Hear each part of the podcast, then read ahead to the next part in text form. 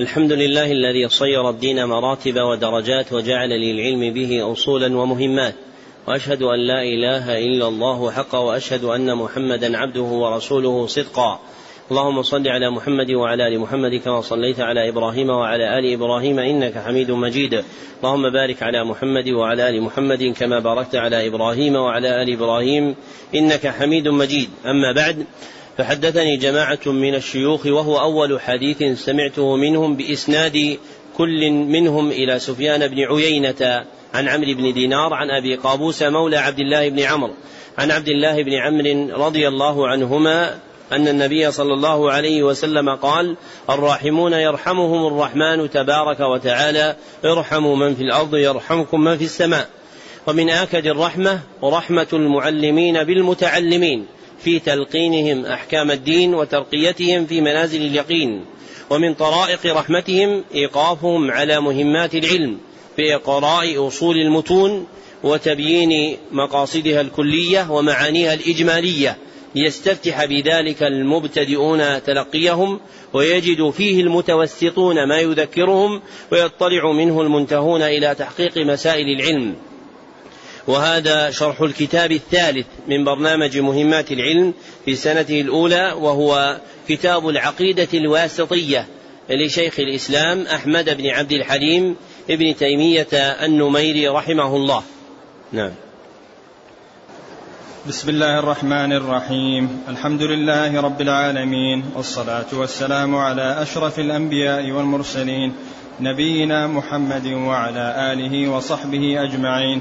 عفى الله عنكم قال المصنف رحمه الله تعالى بسم الله الرحمن الرحيم. الحمد لله الذي أرسل رسوله بالهدى ودين الحق ليظهره على الدين كله وكفى بالله شهيدا. وأشهد أن لا إله إلا الله وحده لا شريك له إقرارا به وتوحيدا. وأشهد أن محمدا عبده ورسوله صلى الله عليه وعلى آله وسلم تسليما مزيدا. أما بعد فهذا اعتقاد الفرقة الناجية المنصورة إلى قيام الساعة أهل السنة والجماعة وهو الإيمان بالله وملائكته وكتبه ورسله والبعث بعد الموت والإيمان بالقدر خيره وشره. عدل المصنف رحمه الله عن الإشارة إلى الركن الخامس من أركان الإيمان وهو الإيمان باليوم الآخر إلى قوله والبعث بعد الموت لأن أعظم مسائله التي أنكرها المشركون هي البعث فهو ذكر للشيء بفرد من أفراده لجلالة الفرد المذكور وعظمته. نعم. أحسن الله عليك ومن الإيمان بالله الإيمان بما وصف به نفسه في كتابه وبما وصفه به رسوله محمد صلى الله عليه وسلم من غير تحريف ولا تعطيل ومن غير تكييف ولا تمثيل. بل يؤمنون بأن الله تعالى ليس كمثله شيء وهو السميع البصير. الإيمان بالصفات مبني على أصلين ذكرهما المصنف. الأول الإيمان بما وصف الله به نفسه في كتابه وبما وصفه به رسوله صلى الله عليه وسلم. والثاني ترك التحريف والتعطيل والتكييف والتمثيل. والتحريف في باب الأسماء والصفات هو تغيير لفظ النص أو معناه. والتعطيل هنا هو إنكار ما يجب لله من الأسماء والصفات. والتكييف هو تعيين كنه الصفة والمراد بالكنه حقيقتها. والتمثيل هو تعيين كنه الصفة بذكر المماثل. وإلى الأصل الأول يشار في كتب العقائد بقولهم الإثبات. وإلى الثاني يشار بقولهم تنزيه الله عما لا يليق به. واقتصر المصنف رحمه الله على هذين الأصلين. ووراءهما أصل ثالث وهو قطع الطمع عن إدراك كيفية صفات الله عز وجل وهو قطع الطمع عن إدراك كيفية صفات الله عز وجل. فالإيمان بباب الصفات دائر على هذه الأصول الثلاثة. والمعهود في خطاب الشرع تسمية الأول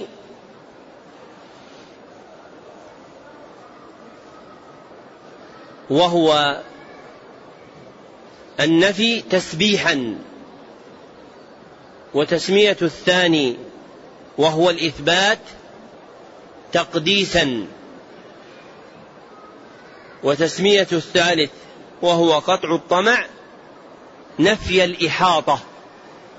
فهذه الأصول الثلاثة مذكورة في القرآن والسنة بهذه الأسماء التقديس والتسبيح ونفي الإحاطة. نعم. أحسن الله فلا ينفون عنه ما وصف به نفسه ولا يحرفون الكلم عن مواضعه ولا يلحدون في أسماء الله وآياته ولا يكيفون ولا يمثلون صفاته بصفات خلقه لأنه سبحانه لا سمي له ولا كفو له ولا ند له ولا يقاس بخلقه سبحانه وتعالى فإنه سبحانه أعلم بنفسه وبغيره وأصدق قيلا وأحسن حديثا من خلقه. ثم رسله صادقون مصدقون بخلاف الذين يقولون عليه ما لا يعلمون. ولهذا قال سبحانه وتعالى سبحان ربك رب العزة عما يصفون وسلام على المرسلين. والحمد لله رب العالمين. فسبح نفسه عما وصفه به المخالفون للرسل وسلم على المرسلين لسلامة ما قالوه من النقص والعيب. وهو سبحانه قد جمع فيما وصف وسمى به نفسه بين النفي والإثبات. فلا عدول لأهل السنة والجماعة عما جاء به المرسلون فإنه الصراط المستقيم صراط الذين أنعم الله عليهم من النبيين والصديقين والشهداء والصالحين. تقدم أن باب الصفات عند أهل السنة مبني على الأصول الثلاثة السابقة الذكر ونشأ من إعمالها أن أهل السنة لا ينفون عن الله ما وصف به نفسه ولا يحرفون الكلم عن مواضعه ولا يلحدون في أسماء الله وآياته. والإلحاد فيها هو الميل بها عما يجب فيها. ولا يكيفون صفات الله ولا يمثلون صفاته بصفات خلقه. والعلة الموجبة لهذا عندهم شيئان اثنان. أولهما أن الله لا سمي له ولا كفء له ولا ند له ولا يقاس بخلقه تعالى. والثاني أن رسله صادقون مصدقون فخبرهم صحيح. وطريقة الرسل هي إثبات الصفات لله سبحانه وتعالى مع تنزيهه عن النقص والعيب وقطع الطمع عن إدراك كيفية الصفة. ولا عدول لأهل السنة والجماعة عن طريقة الأنبياء والرسل. وذكر المصنف رحمه الله في جملة كلامه هنا قاعدة شريفة في باب الأسماء والصفات. هي قوله وهو سبحانه قد جمع فيما وصف وسمى به نفسه بين النفي والإثبات. فالنفي والإثبات في الأسماء والصفات مذكوران فيما وصف الله وسمى به نفسه وفيما وصفه وسماه به رسوله صلى الله عليه وسلم. فأسماء الله عز وجل باعتبار النفي والاثبات نوعان اثنان. أولهما الأسماء المنفية كالسلام والقدوس. والثاني الأسماء المثبتة كالرحمن والرحيم. والنفي كائن في المعنى لا في المبنى أي يدل معناها على نفي ما لا يليق به سبحانه وتعالى. وكلام المصنف صريح في جريان النفي والإثبات في الأسماء والصفات إذ قال وهو سبحانه قد جمع فيما وصف وسمى به نفسه بين النفي والإثبات. وهذا يقتضي أن يكون في الأسماء ما هو منفي وفيها ما هو مثبت إلا أن النفي المسلط على الأسماء ليس نفيا في البناء. الذي هو صورة الكلمة وإنما هو نفي في المعنى. والله أعلم. وصلى الله وسلم على عبده ورسوله محمد وآله وصحبه أجمعين. السلام عليكم ورحمة الله وبركاته. الحمد لله صير الدين مراتب ودرجات وجعل للعلم به أصولا ومهمات وأشهد أن لا إله إلا الله حقا وأشهد أن محمدا عبده ورسوله صدقا. اللهم صل على محمد وعلى آل محمد كما صليت على إبراهيم وعلى آل إبراهيم. إنك حميد مجيد. اللهم بارك على محمد وعلى آل محمد كما باركت على إبراهيم وعلى آل إبراهيم. إنك حميد مجيد. أما بعد فلا يزال القول موصولا في شرح جمل العقيدة الواسطية. وقد انتهى بنا البيان إلى إيضاح معنى قوله رحمه الله تعالى وهو سبحانه قد جمع فيما وصف وسمى به نفسه بين النفي والإثبات. وذكرنا أن هذا يقتضي أن يكون في الأسماء ما هو منفي وفيها ما هو مثبت إلا أن النفي المسلط على الأسماء ليس نفيا في البناء الذي هو صورة الكلمة وإنما هو نفي في المعنى فليس في بناء شيء من أسماء الله عز وجل نفي.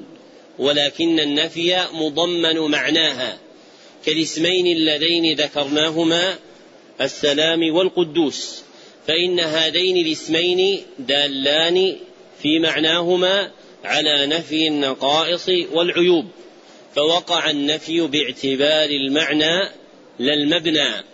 وأكثر شراح هذه العقيدة إنما بينوا هذه الجملة باعتبار تعلقها بالصفات دون الأسماء. فذكروا قسمة الصفات على ما سيأتي بين النفي والإثبات وأهملوا ذكر قسمة الأسماء إلى أسماء منفية وأسماء مثبتة. وبيان ذلك هو على النحو الذي ذكرته لكم آنفا أن أسماء الله عز وجل يكون فيها النفي كما يكون في الإثبات إلا أن النفي مسلط على المبنى لا المعنى فمعناها مضمن لنفي ما لنفي ما لا يليق بالله عز وجل. وكذلك الصفات الإلهية هي باعتبار النفي والإثبات تنقسم إلى قسمين اثنين. أولهما الصفات المنفية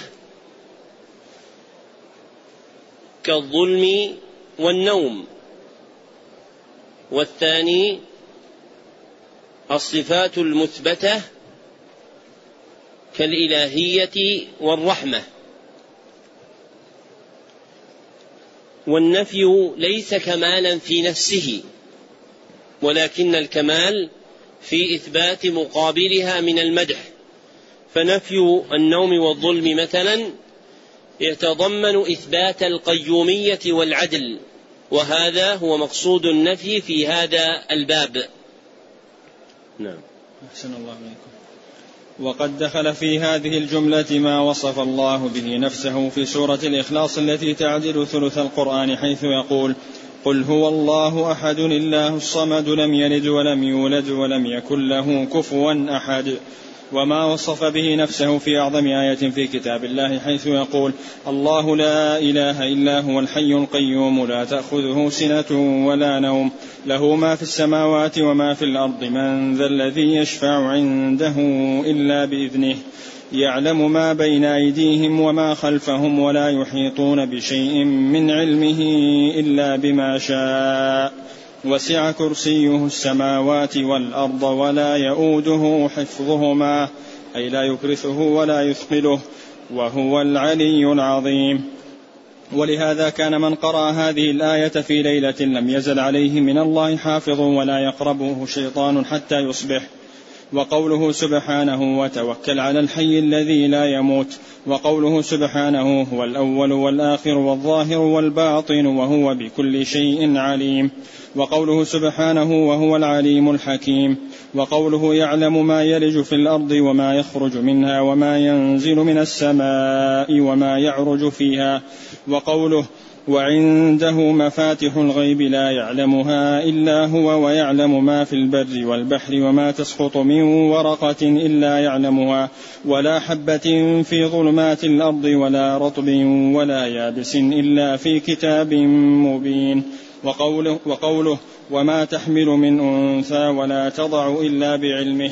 وقوله لتعلموا أن الله على كل شيء قدير وأن الله قد أحاط بكل شيء علما وقوله إن الله هو الرزاق ذو القوة المتين وقوله ليس كمثله شيء وهو السميع البصير وقوله إن الله نعم ما يعظكم به إن الله كان سميعا بصيرا وقوله ولولا إذ دخلت جنتك قلت ما شاء الله لا قوة إلا بالله وقوله ولو شاء الله ما اقتتل الذين من بعدهم من بعد ما جاءتهم البينات. ولكن اختلفوا فمنهم من آمن ومنهم من كفر. ولو شاء الله ما اقتتلوا ولكن الله يفعل ما يريد. وقوله أحلت لكم بهيمة الأنعام إلا ما يتلى عليكم غير محل الصيد وأنتم حرم إن الله يحكم ما يريد. وقوله فمن يرد الله أن يهديه يشرح صدره للإسلام ومن يرد أن يضله يجعل صدره ضيقا حرجا كأنما يصعد في السماء. وقوله وأحسنوا إن الله يحب المحسنين وقوله وأقسطوا إن الله يحب المقسطين وقوله فما استقاموا لكم فاستقيموا لهم إن الله يحب المتقين وقوله إن الله يحب التوابين ويحب المتطهرين وقوله فسوف يأتي الله بقوم يحبهم ويحبونه. وقوله إن الله يحب الذين يقاتلون في سبيله صفا كأنهم بنيان مرصوص. وقوله قل إن كنتم تحبون الله فاتبعوني يحببكم الله. وقوله وهو الغفور الودود. وقوله بسم الله الرحمن الرحيم وقوله ربنا وسعت كل شيء رحمة وعلما وقوله وكان بالمؤمنين رحيما وقوله ورحمتي وسعت كل شيء وقوله كتب ربكم على نفسه الرحمة وقوله تعالى وهو الغفور الرحيم وقوله فالله خير حافظا وهو أرحم الراحمين. وقوله رضي الله عنهم ورضوا عنه. وقوله ومن يقتل مؤمنا متعمدا فجزاؤه جهنم خالدا فيها وغضب الله عليه ولعنه. وقوله ذلك بأنهم اتبعوا ما أسخط الله وكرهوا رضوانه. وقوله فلما آسفونا انتقمنا منهم وقوله ولكن كره الله بعاثهم فثبطهم وقوله كبر مقتا عند الله أن تقولوا ما لا تفعلون وقوله هل ينظرون إلا أن يأتيهم الله في ظلل من الغمام والملائكة وقضي الأمر وقوله هل ينظرون إلا أن تأتيهم الملائكة أو يأتي ربك أو يأتي بعض آيات ربك وقوله كلا إذا دكت الأرض دكا دكا وجاء ربك والملك صفا صفا وقوله ويوم تشقق السماء بالغمام ونزل الملائكة تنزيلا وقوله ويبقى وجه ربك ذو الجلال والإكرام. وقوله كل شيء هالك إلا وجهه. وقوله ما منعك أن تسجد لما خلقت بيدي. وقوله وقالت اليهود يد الله مغلولة وقالت اليهود يد الله مغلولة غلت أيديهم ولعنوا بما قالوا بل يداه مبسوطتان ينفق كيف يشاء. وقوله واصبر لحكم ربك فإنك بأعيننا وقوله وحملناه على ذات ألواح ودسر تجري بأعيننا جزاء لمن كان كفر. وقوله وألقيت عليك محبة مني ولتصنع على عيني. وقوله قد سمع الله قول التي تجادلك في زوجها وتشتكي إلى الله والله يسمع تحاوركما. وقوله لقد سمع الله قول الذين قالوا إن الله فقير ونحن أغنياء. وقوله أم يحسبون أنا لا نسمع سرهم ونجواهم؟ بلى ورسلنا لديهم يكتبون. وقوله إنني معكما أسمع وأرى. وقوله ألم يعلم بأن الله يراه وقوله الذي يراك حين تقوم وتقلبك في الساجدين. وقوله وقل اعملوا فسيرى الله عملكم ورسوله والمؤمنون وقوله وهو شديد المحال وقوله ومكروا ومكر الله والله خير الماكرين وقوله ومكروا مكرا ومكرنا مكرا وهم لا يشعرون وقوله إنهم يكيدون كيدا وأكيد كيدا. وقوله إن تبدوا خيرا أو تخفوه أو تعفوا عن سوء فإن الله كان عفوا قديرا. وقوله وليعفوا وليصفحوا ألا تحبون أن يغفر الله لكم والله غفور رحيم. وقوله ولله العزة ولرسوله وقوله فبعزتك لأغوينهم أجمعين وقوله تبارك اسم ربك ذي الجلال والإكرام وقوله فاعبده واصطبر لعبادته هل تعلم له سميا وقوله ولم يكن له كفوا أحد وقوله فلا تجعلوا لله أندادا وأنتم تعلمون. وقوله ومن الناس من يتخذ من دون الله أندادا يحبونهم كحب الله. وقوله وقل الحمد لله الذي لم يتخذ ولدا ولم يكن له شريك في الملك. ولم يكن له ولي من الذل وكبره تكبيرا. وقوله يسبح لله ما في السماوات وما في الأرض له الملك وله الحمد وهو على كل شيء قدير. وقوله تبارك الذي نزل الفرقان على عبده ليكون للعالمين نذيرا الذي له ملك السماوات والأرض ولم يتخذ ولدا ولم يكن له شريك في الملك وخلق كل شيء فقدره تقديرا. وقوله ما اتخذ الله من ولد وما كان معه من إله. إذا لذهب كل إله بما خلق ولعلى بعضهم على بعض. سبحان الله عما يصفون. عالم الغيب والشهادة فتعالى عما يشركون. وقوله فلا تضربوا لله الأمثال إن الله يعلم وأنتم لا تعلمون وقوله قل إنما حرم ربي الفواحش ما ظهر منها وما بطن والإثم والبغي بغير الحق وأن تشركوا بالله ما لم ينزل به سلطانا وأن تقولوا على الله ما لا تعلمون وقوله الرحمن على العرش استوى وقوله ثم استوى على العرش في ستة مواضع وقوله يا عيسى إني متوفيك ورافعك إلي وقوله بل, رفعه الله إليه.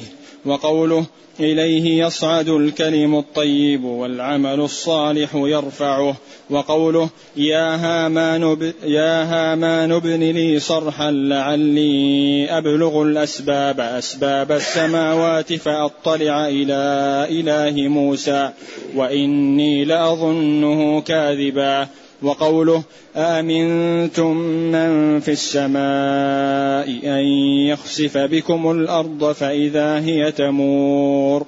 أم أمنتم من في السماء أن يرسل عليكم حاصبا فستعلمون كيف نذير.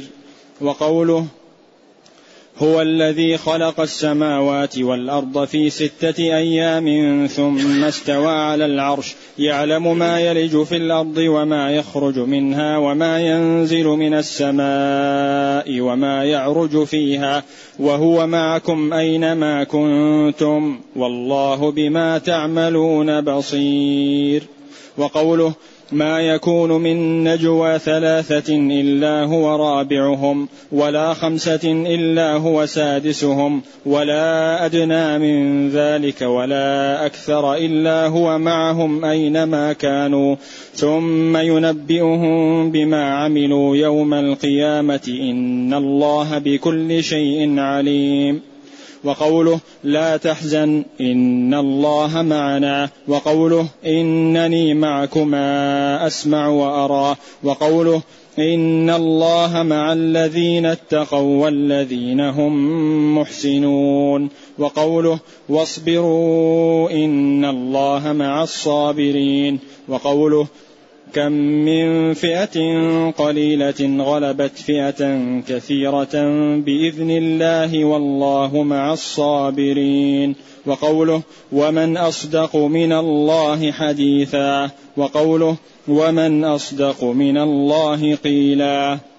وقوله وإذ قال الله يا عيسى ابن مريم وقوله وتمت كلمة ربك صدقا وعدلا وقوله وكلم الله موسى تكليما وقوله منهم من كلم الله وقوله ولما جاء موسى لميقاتنا وكلمه ربه وقوله وناديناه من جانب الطور الأيمن وقربناه نجيا وقوله وإذ نادى ربك موسى أن ائت القوم الظالمين وقوله وناداهما ربهما ألم أنهكما عن تلكما الشجرة وقوله ويوم يناديهم فيقول ماذا أجبتم المرسلين وقوله وإن أحد من المشركين استجارك فأجره حتى يسمع كلام الله.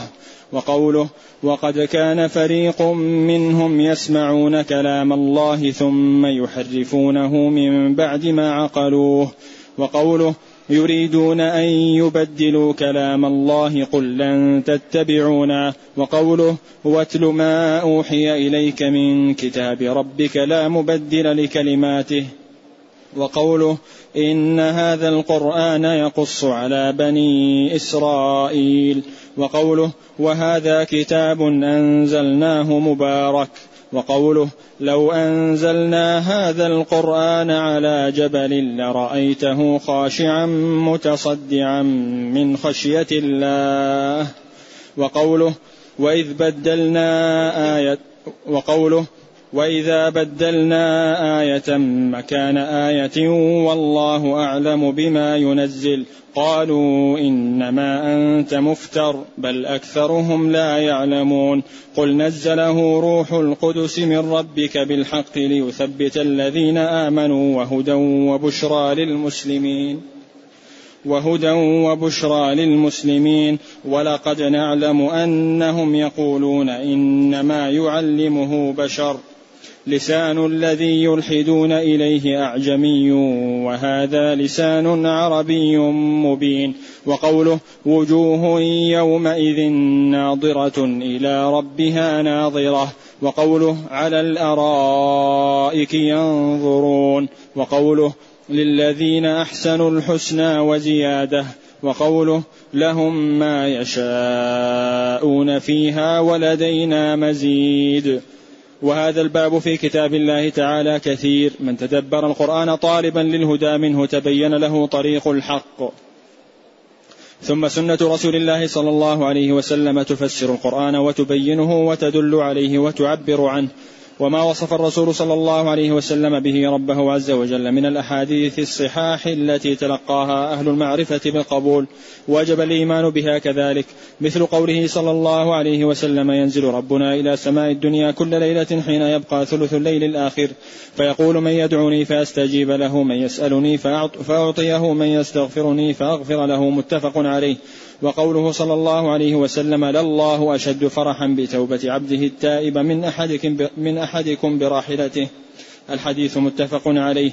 وقوله صلى الله عليه وسلم يضحك الله إلى رجلين يقتل أحدهما الآخر كلاهما يدخل الجنة. متفق عليه. وقوله صلى الله عليه وسلم عجب ربنا من قنوط عباده وقرب غيره ينظر إليكم أزلين قنطين فيظل يضحك يعلم أن فرجكم قريب. حديث حسن. وقوله صلى الله عليه وسلم لا تزال جهنم يلقى فيها وهي تقول هل من مزيد حتى يضع رب العزة فيها رجله وفي رواية عليها قدمه فينزوي بعضها إلى بعض فتقول قط قط متفق عليه. وقوله صلى الله عليه وسلم يقول الله تعالى يا آدم فيقول لبيك وسعديك فينادي بصوت إن الله يأمرك أن تخرج من ذريتك بعثا إلى النار متفق عليه. وقوله صلى الله عليه وسلم ما منكم من أحد إلا سيكلمه ربه ليس بينه وبينه ترجمان. وقوله صلى الله عليه وسلم في رقية المريض ربنا الله الذي في السماء تقدس اسمك أمرك في السماء والأرض كما رحمتك في السماء اجعل رحمتك في الأرض. اغفر لنا حوبنا وخطايانا أنت رب الطيبين أنزل رحمة من رحمتك وشفاء من شفائك على هذا الوجع. رواه أبو داود. وقوله صلى الله عليه وسلم ألا تأمنون ألا تأم وقوله صلى الله عليه وسلم ألا تأمنوني وأنا أمين من في السماء. رواه البخاري وغيره. وقوله صلى الله عليه وسلم والعرش فوق الماء والله فوق العرش وهو يعلم ما أنتم عليه. رواه أبو داود والترمذي وغيرهما. وقوله صلى الله عليه وسلم للجارية أين الله؟ قالت في السماء. قال من أنا؟ قالت أنت رسول الله. قال أعتقها فإنها مؤمنة. رواه مسلم. وقوله صلى الله عليه وسلم أفضل الإيمان أن تعلم أن الله معك حيثما كنت حديث حسن. وقوله صلى الله عليه وسلم إذا قام أحدكم إلى الصلاة فإن الله قبل وجهه فلا يبصقن قبل وجهه ولا عن يمينه ولكن عن يساره أو تحت قدمه متفق عليه. وقوله صلى الله عليه وسلم اللهم رب السماوات السبع ورب العرش العظيم ربنا ورب كل شيء. فالق الحب والنوى منزل التوراة والإنجيل والقرآن. أعوذ بك من شر نفسي ومن شر كل دابة. أنت آخذ بناصيتها. أنت الأول فليس قبلك شيء وأنت الآخر فليس بعدك شيء وأنت الظاهر فليس فوقك شيء وأنت الباطن فليس دونك شيء. اقض عني الدين واغنني من الفقر. رواه مسلم. وقوله صلى الله عليه وسلم لما رفع الصحابة أصواتهم بالذكر أيها الناس أيها الناس اربعوا على أنفسكم فإنكم لا تدعون أصم ولا غائبا إنما تدعون سميعا قريبا إن الذي تدعونه أقرب إلى أحدكم من عنق راحلته متفق عليه. وقوله صلى الله عليه وسلم إنكم سترون ربكم كما ترون القمر ليلة البدر لا تضامون في رؤيته فإن استطعتم ألا تغلبوا على صلاة قبل طلوع الشمس وصلاة قبل غروبها فافعلوا متفق عليه.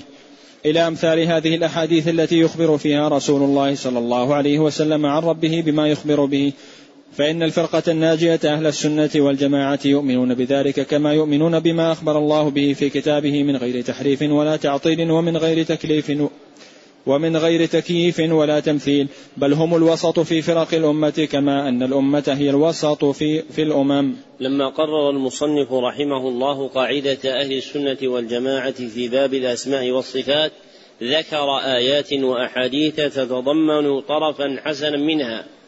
ومن القواعد التي ينبغي عقلها في هذا المحل أن تعلم أن الأسماء والصفات مردها إلى النقل فحسب.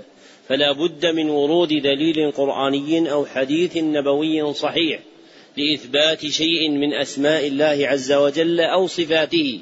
وهذا هو معنى قول أهل العلم في هذا الباب أسماء الله وصفاته توقيفية أي موقوفة على ورود الدليل بها لتعذر العلم بها دون خبر صادق من الوحي.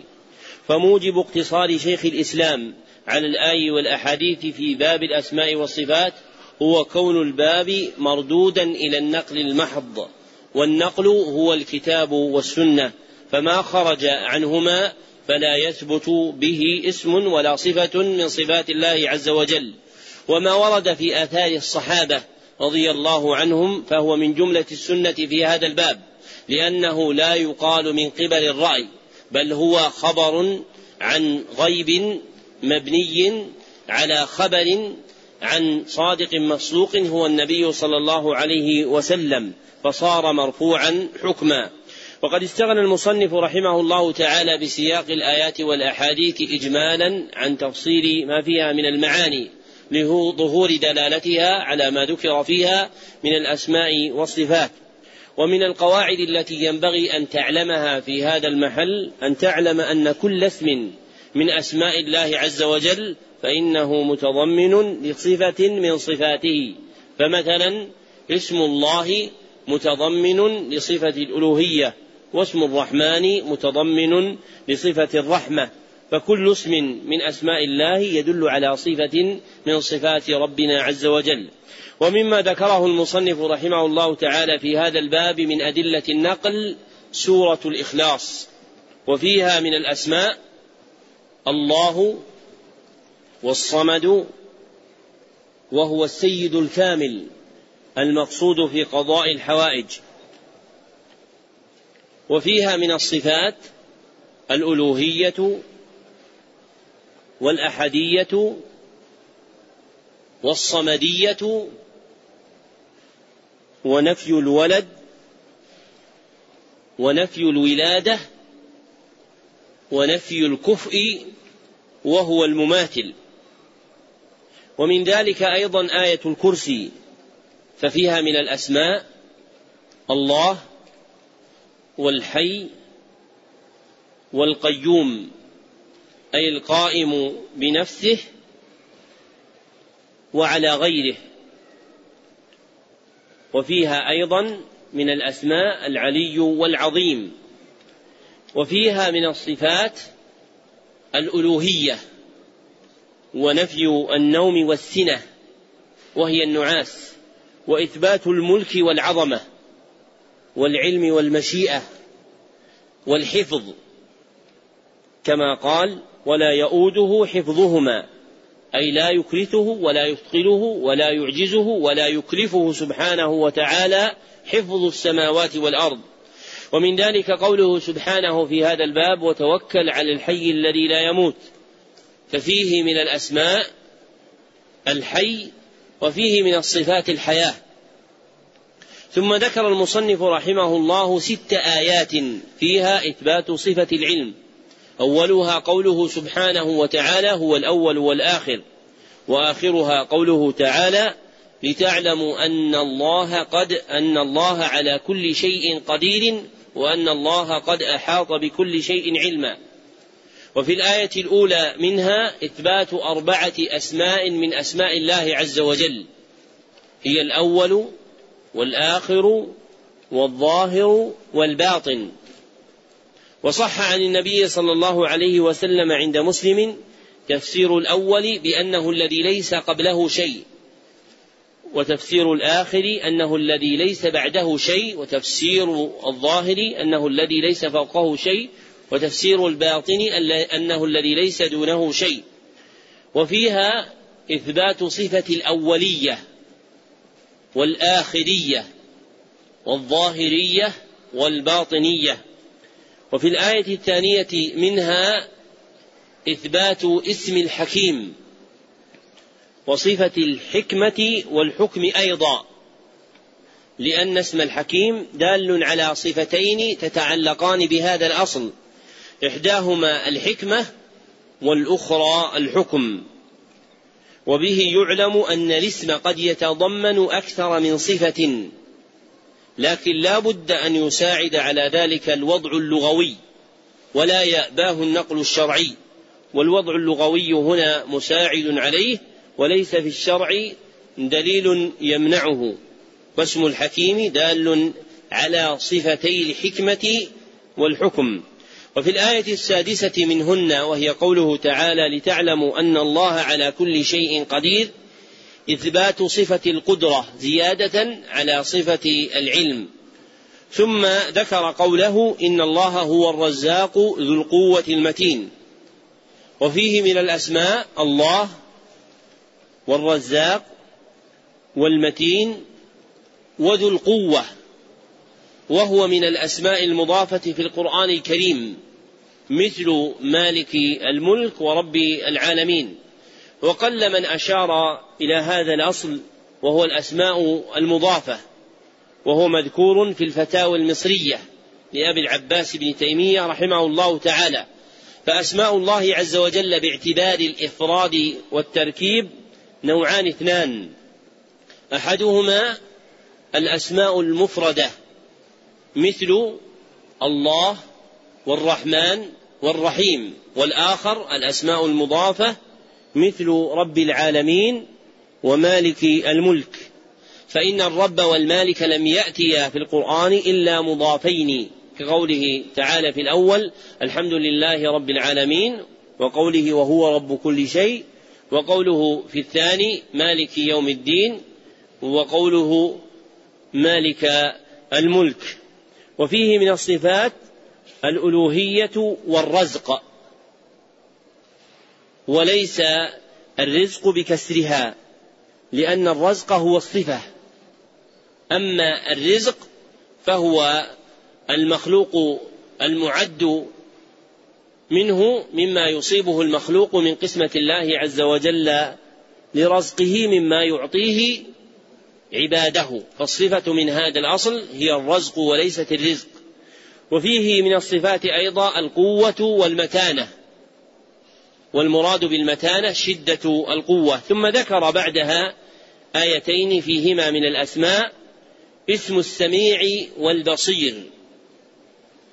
وفيهما من الصفات صفة السمع والبصر والبصر والبصيرة. وهاتان الصفتان الأخيرتان قل من ذكرهما وهي صريح الآية باعتبار الوضع اللغوي للباء والصاد والراء. فاسم البصير لربنا عز وجل دال على ثلاث صفات تتعلق بهذا الاسم. أولها صفة البصر وهي المتعلقة بإدراك المرئيات والثانية صفة البصر وهي بمعنى العلم إلا أن بينهما اشتراكا وافتراقا والثالثة صفة البصيرة.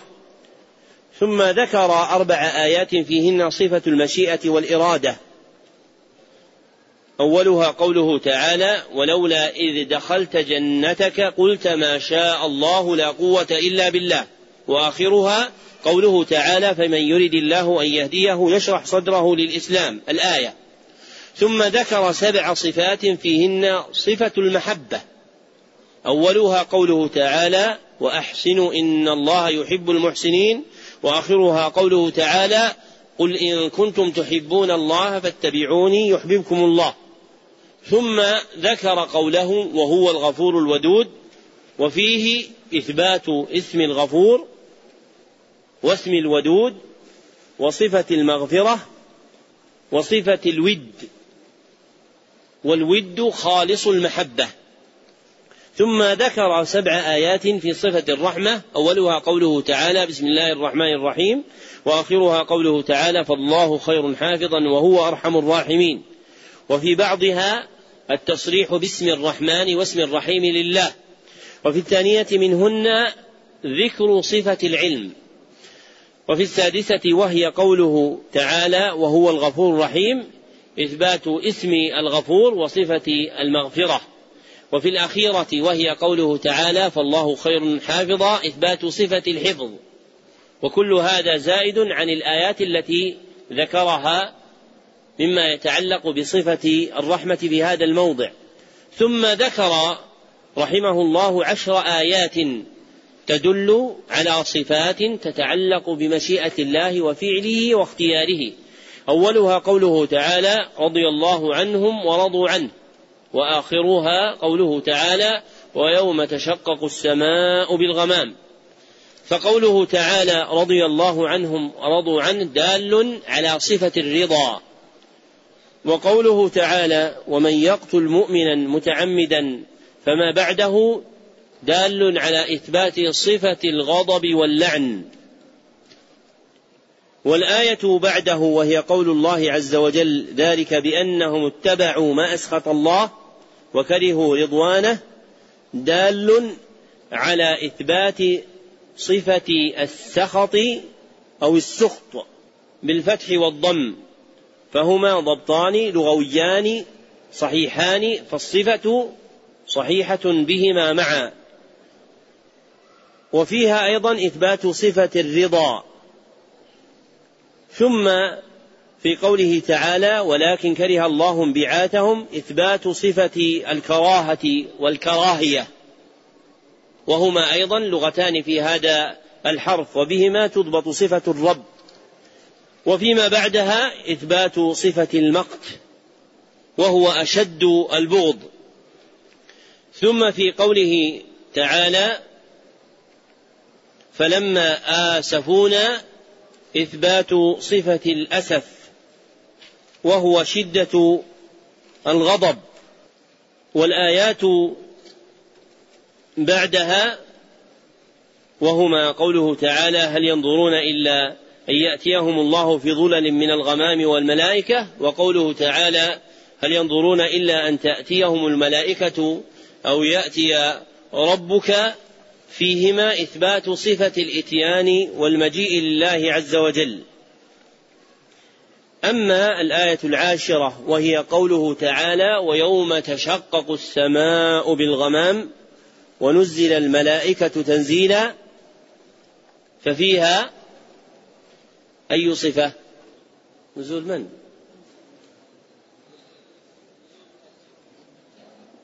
وين نزول الله؟ ليس في الآية نزول الله فيها ذكر نزول الملائكة. سم. نعم. إن الله في السماء صحيح لكن ليس سياق الآية لهذا. نعم. نعم.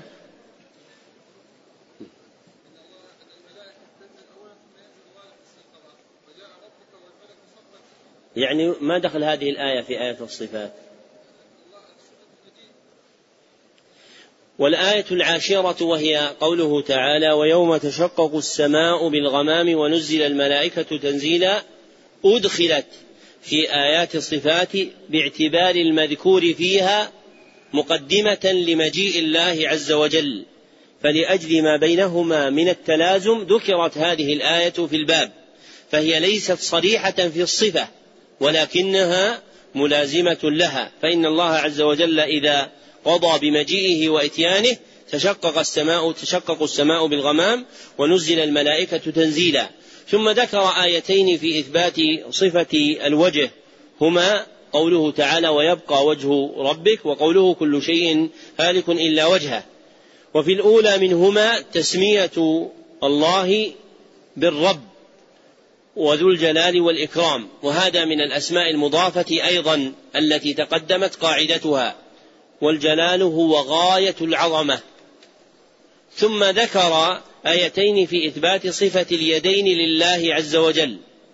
ثم ذكر ثلاث آيات في إثبات صفة العينين لله تارة بالإفراد كما قال تعالى ولتصنع على عيني وتارة بالجمع كما في قوله تعالى في الآيتين الأوليين بأعيننا. ولم تأتي التثنية في القرآن الكريم لهذه الصفة. ولا جاءت صريحة في الأحاديث الصحيحة عن النبي صلى الله عليه وسلم. لكن صح في الصحيحين عنه صلى الله عليه وسلم أنه قال في صفة الدجال إنه أعور. وإن ربكم ليس بأعور. والعور في لسان العرب صفة ذي عينين. إحداهما سليمة والأخرى معيبة. ونفيه يتضمن إثبات العينين لله سبحانه وتعالى. ونفي العيب والنقص عنهما. والإفراد للعين في قوله تعالى على عيني دال على جنس الصفة. والتثنية دالة على حقيقتها. والجمع في قوله بأعيننا وقع على جهة المشاكلة في الكلام فإن العرب إذا أضافت المثنى إلى ضمير تثنية أو جمع جمعته لأنه أيسر في اللفظ وأجرى في الكلام. كما في قوله تعالى إن تتوبا إلى الله فقد صغت قلوبكما ومن المقطوع به أن كل بدن يشتمل على قلب واحد فهما لهما قلبان لا أكثر. وجمع اسم القلب بذكرهما فقيل قلوبكما لأن المثنى أضيف إلى ضمير تثنية فناسبه في خفة الكلام وجريان اللسان أن يجمع هذا اللفظ. وقد ذكر هذه القاعدة ابن فارس رحمه الله تعالى في كتاب الصاحب وهي واقعة في مواضع عدة من كلام الله سبحانه وتعالى. وقد يتوهم متوهم أن إثبات العينين لله بالحديث الوارد في صفة الدجال أنه من قبيل قياس صفة الخالق على صفة المخلوق وهذا من الجهل بلسان العرب. إلا مدخل هذا في القياس وإنما هو مبني على ما تفهمه العرب من كلامها إذا ذكرت العور. فإن العرب لا تطلق العور على ذي عين واحدة ولا تطلقه على ذي أعين عديدة وإنما تطلقه على ذي عينين أحدهما إحداهما سليمة والأخرى معيبة. فعلم بمقتضى اللسان العربي أن معنى قوله صلى الله عليه وسلم إن الدجال أعور وإن ربكم ليس بأعور أن الدجال له عينان إحداهما ذاهبة معيبة والأخرى باقية سليمة. وأما الله سبحانه وتعالى فإنه ليس بأعور أي له عينان نزهتا عن العيب والنقص الذي ذكر في الدجال. وقد استدل بهذا كبار الأئمة كأحمد وعثمان الدارمي رحمهم الله تعالى. وفي الآية الثالثة منهن وهي قوله تعالى وألقيت عليك محبة مني إثبات صفة المحبة زائدة على ما تقدم. ثم ذكر سبع آيات أولها قوله تعالى قد سمع الله قول التي تجادلك وآخرها قوله تعالى وقل اعملوا فسيرى الله عملكم فثلاث منهن تدل على صفة السمع وثلاث منهن تدل على صفة الرؤية. وبينهما آية تجمع هذا وذاك وهي قوله تعالى إنني معكما أسمع وأرى. ثم ذكر أربع آيات أولها قوله تعالى وهو شديد المحال. وآخرها قوله تعالى إنهم يكيدون كيدا وأكيد كيدا. فيهن صفة المكر والكيد والمحال وكمالها في مقابلة أهل المكر والكيد والمحال. والمحال هو المغالبة بمكر وكيد. ثم ذكر آيتين فيهما زيادة على ما تقدم اسم العفو وصفة العفو. ثم ذكر آيتين في إثبات صفة العزة لله. ثم ذكر آيتين فيهما وصف الله بالجلال والإكرام. والجلال هو غاية العظمة كما سبق. ثم ذكر جملة من الآيات. أولها قوله تعالى فاعبده واصطبر لعبادته. وآخرها قوله تعالى قل إنما حرم ربي الفواحش. الآية لتقرير مسألة الصفات المنفية التي تسمى بالسلبية. وهي الصفات التي نفاها الله عز وجل عن نفسه أو نفاها عنه رسوله صلى الله عليه وسلم.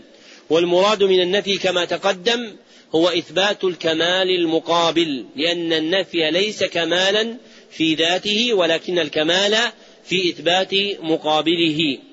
وفيها نفي السمي والكفء والند ومعناها يدور على المكافأة والمثلية والنظير. وفيها أيضا نفي الولد والشريك في الملك والولي من الدل والآلهة المتعددة والأمثال المضروبة لله عز وجل. وذكر فيها قوله تعالى يسبح لله ما في السماوات وما في الأرض. الآية وهي أصل في تنزيه الله عما لا يليق به من النقائص والعيوب. وختم تقرير الصفات المنفية المسماة بالسلبية بقوله تعالى قل إنما حرم ربي الفواحش ما ظهر منها وما بطن. للرد على طائفتين اثنتين أولاهما المشبهة الذين وقعوا في الشرك إذ شبهوا الرب بخالقه والثانية المعطلة الذين نفوا عن الله عز وجل كماله وقالوا في ذلك بغير علم.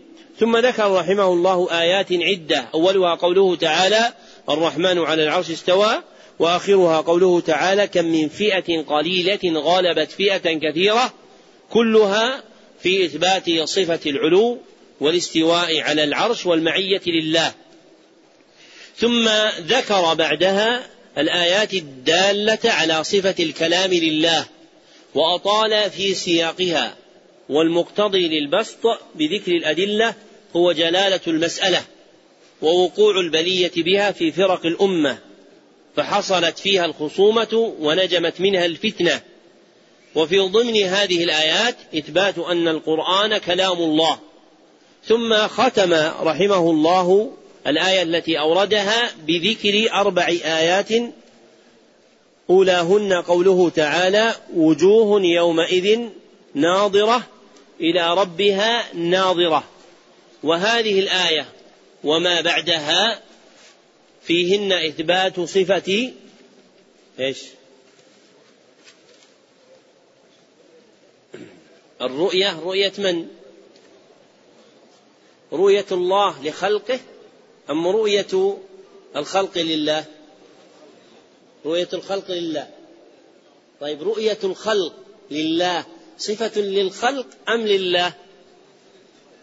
رؤية الخلق لله صفة للخلق أم لله؟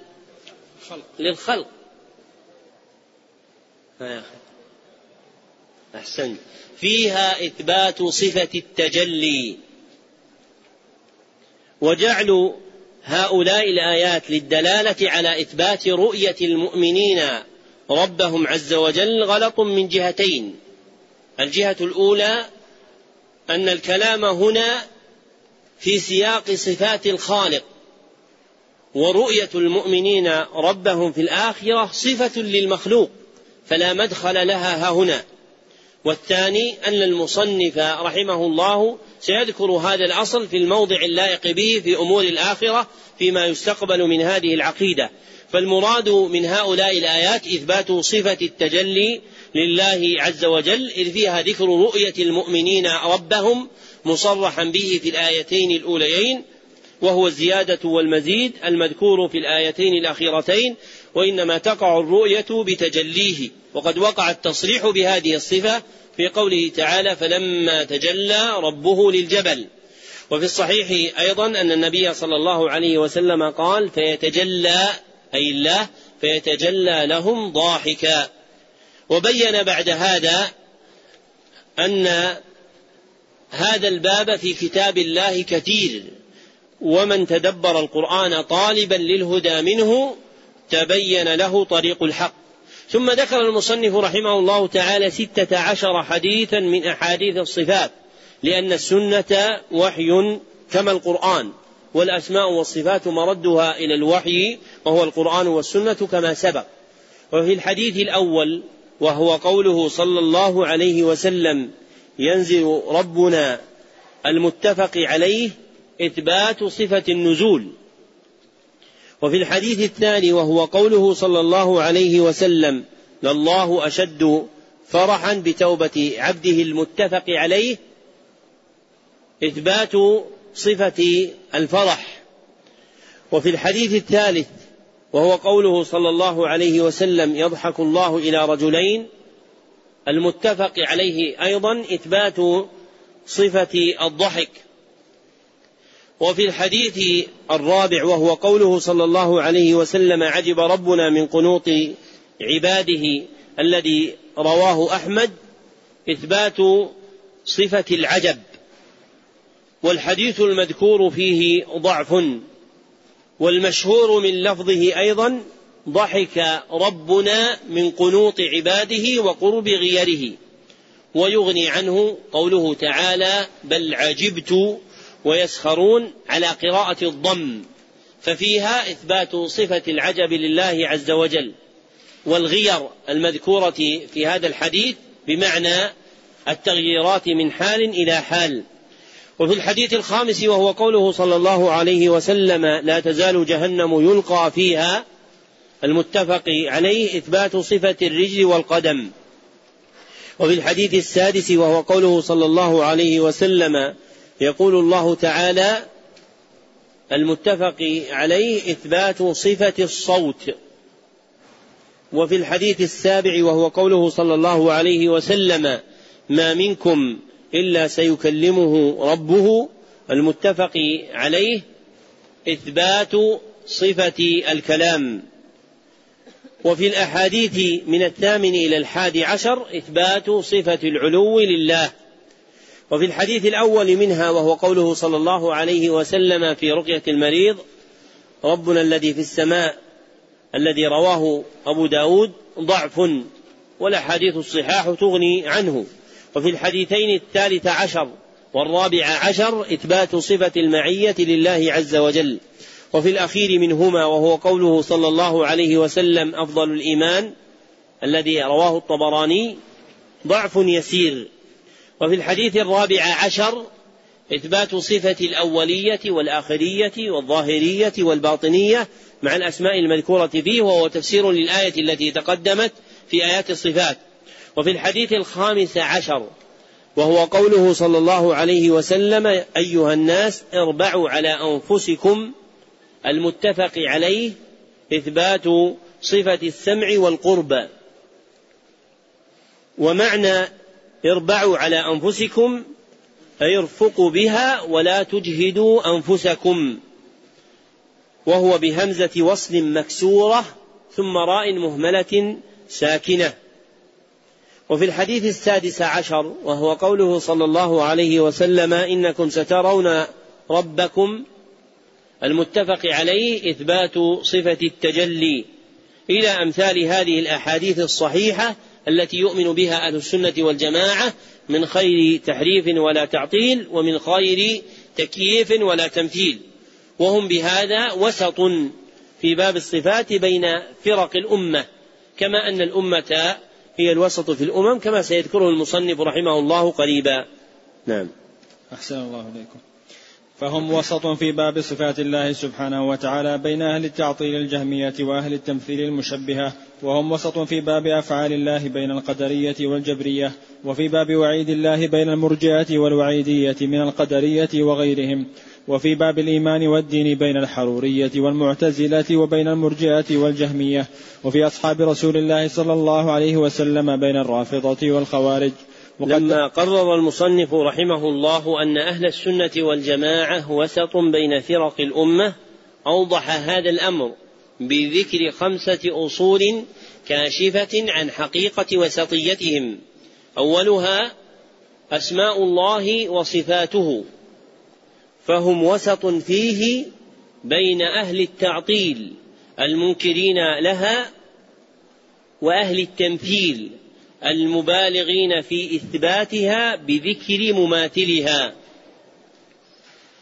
وثانيها القدر المشار إليه بقول المصنف باب أفعال الله فهم وسط فيه بين القدرية الزاعمين أن العبد يخلق فعله استقلالا والجبرية الزاعمين أن العبد مجبور على فعله لا اختيار له.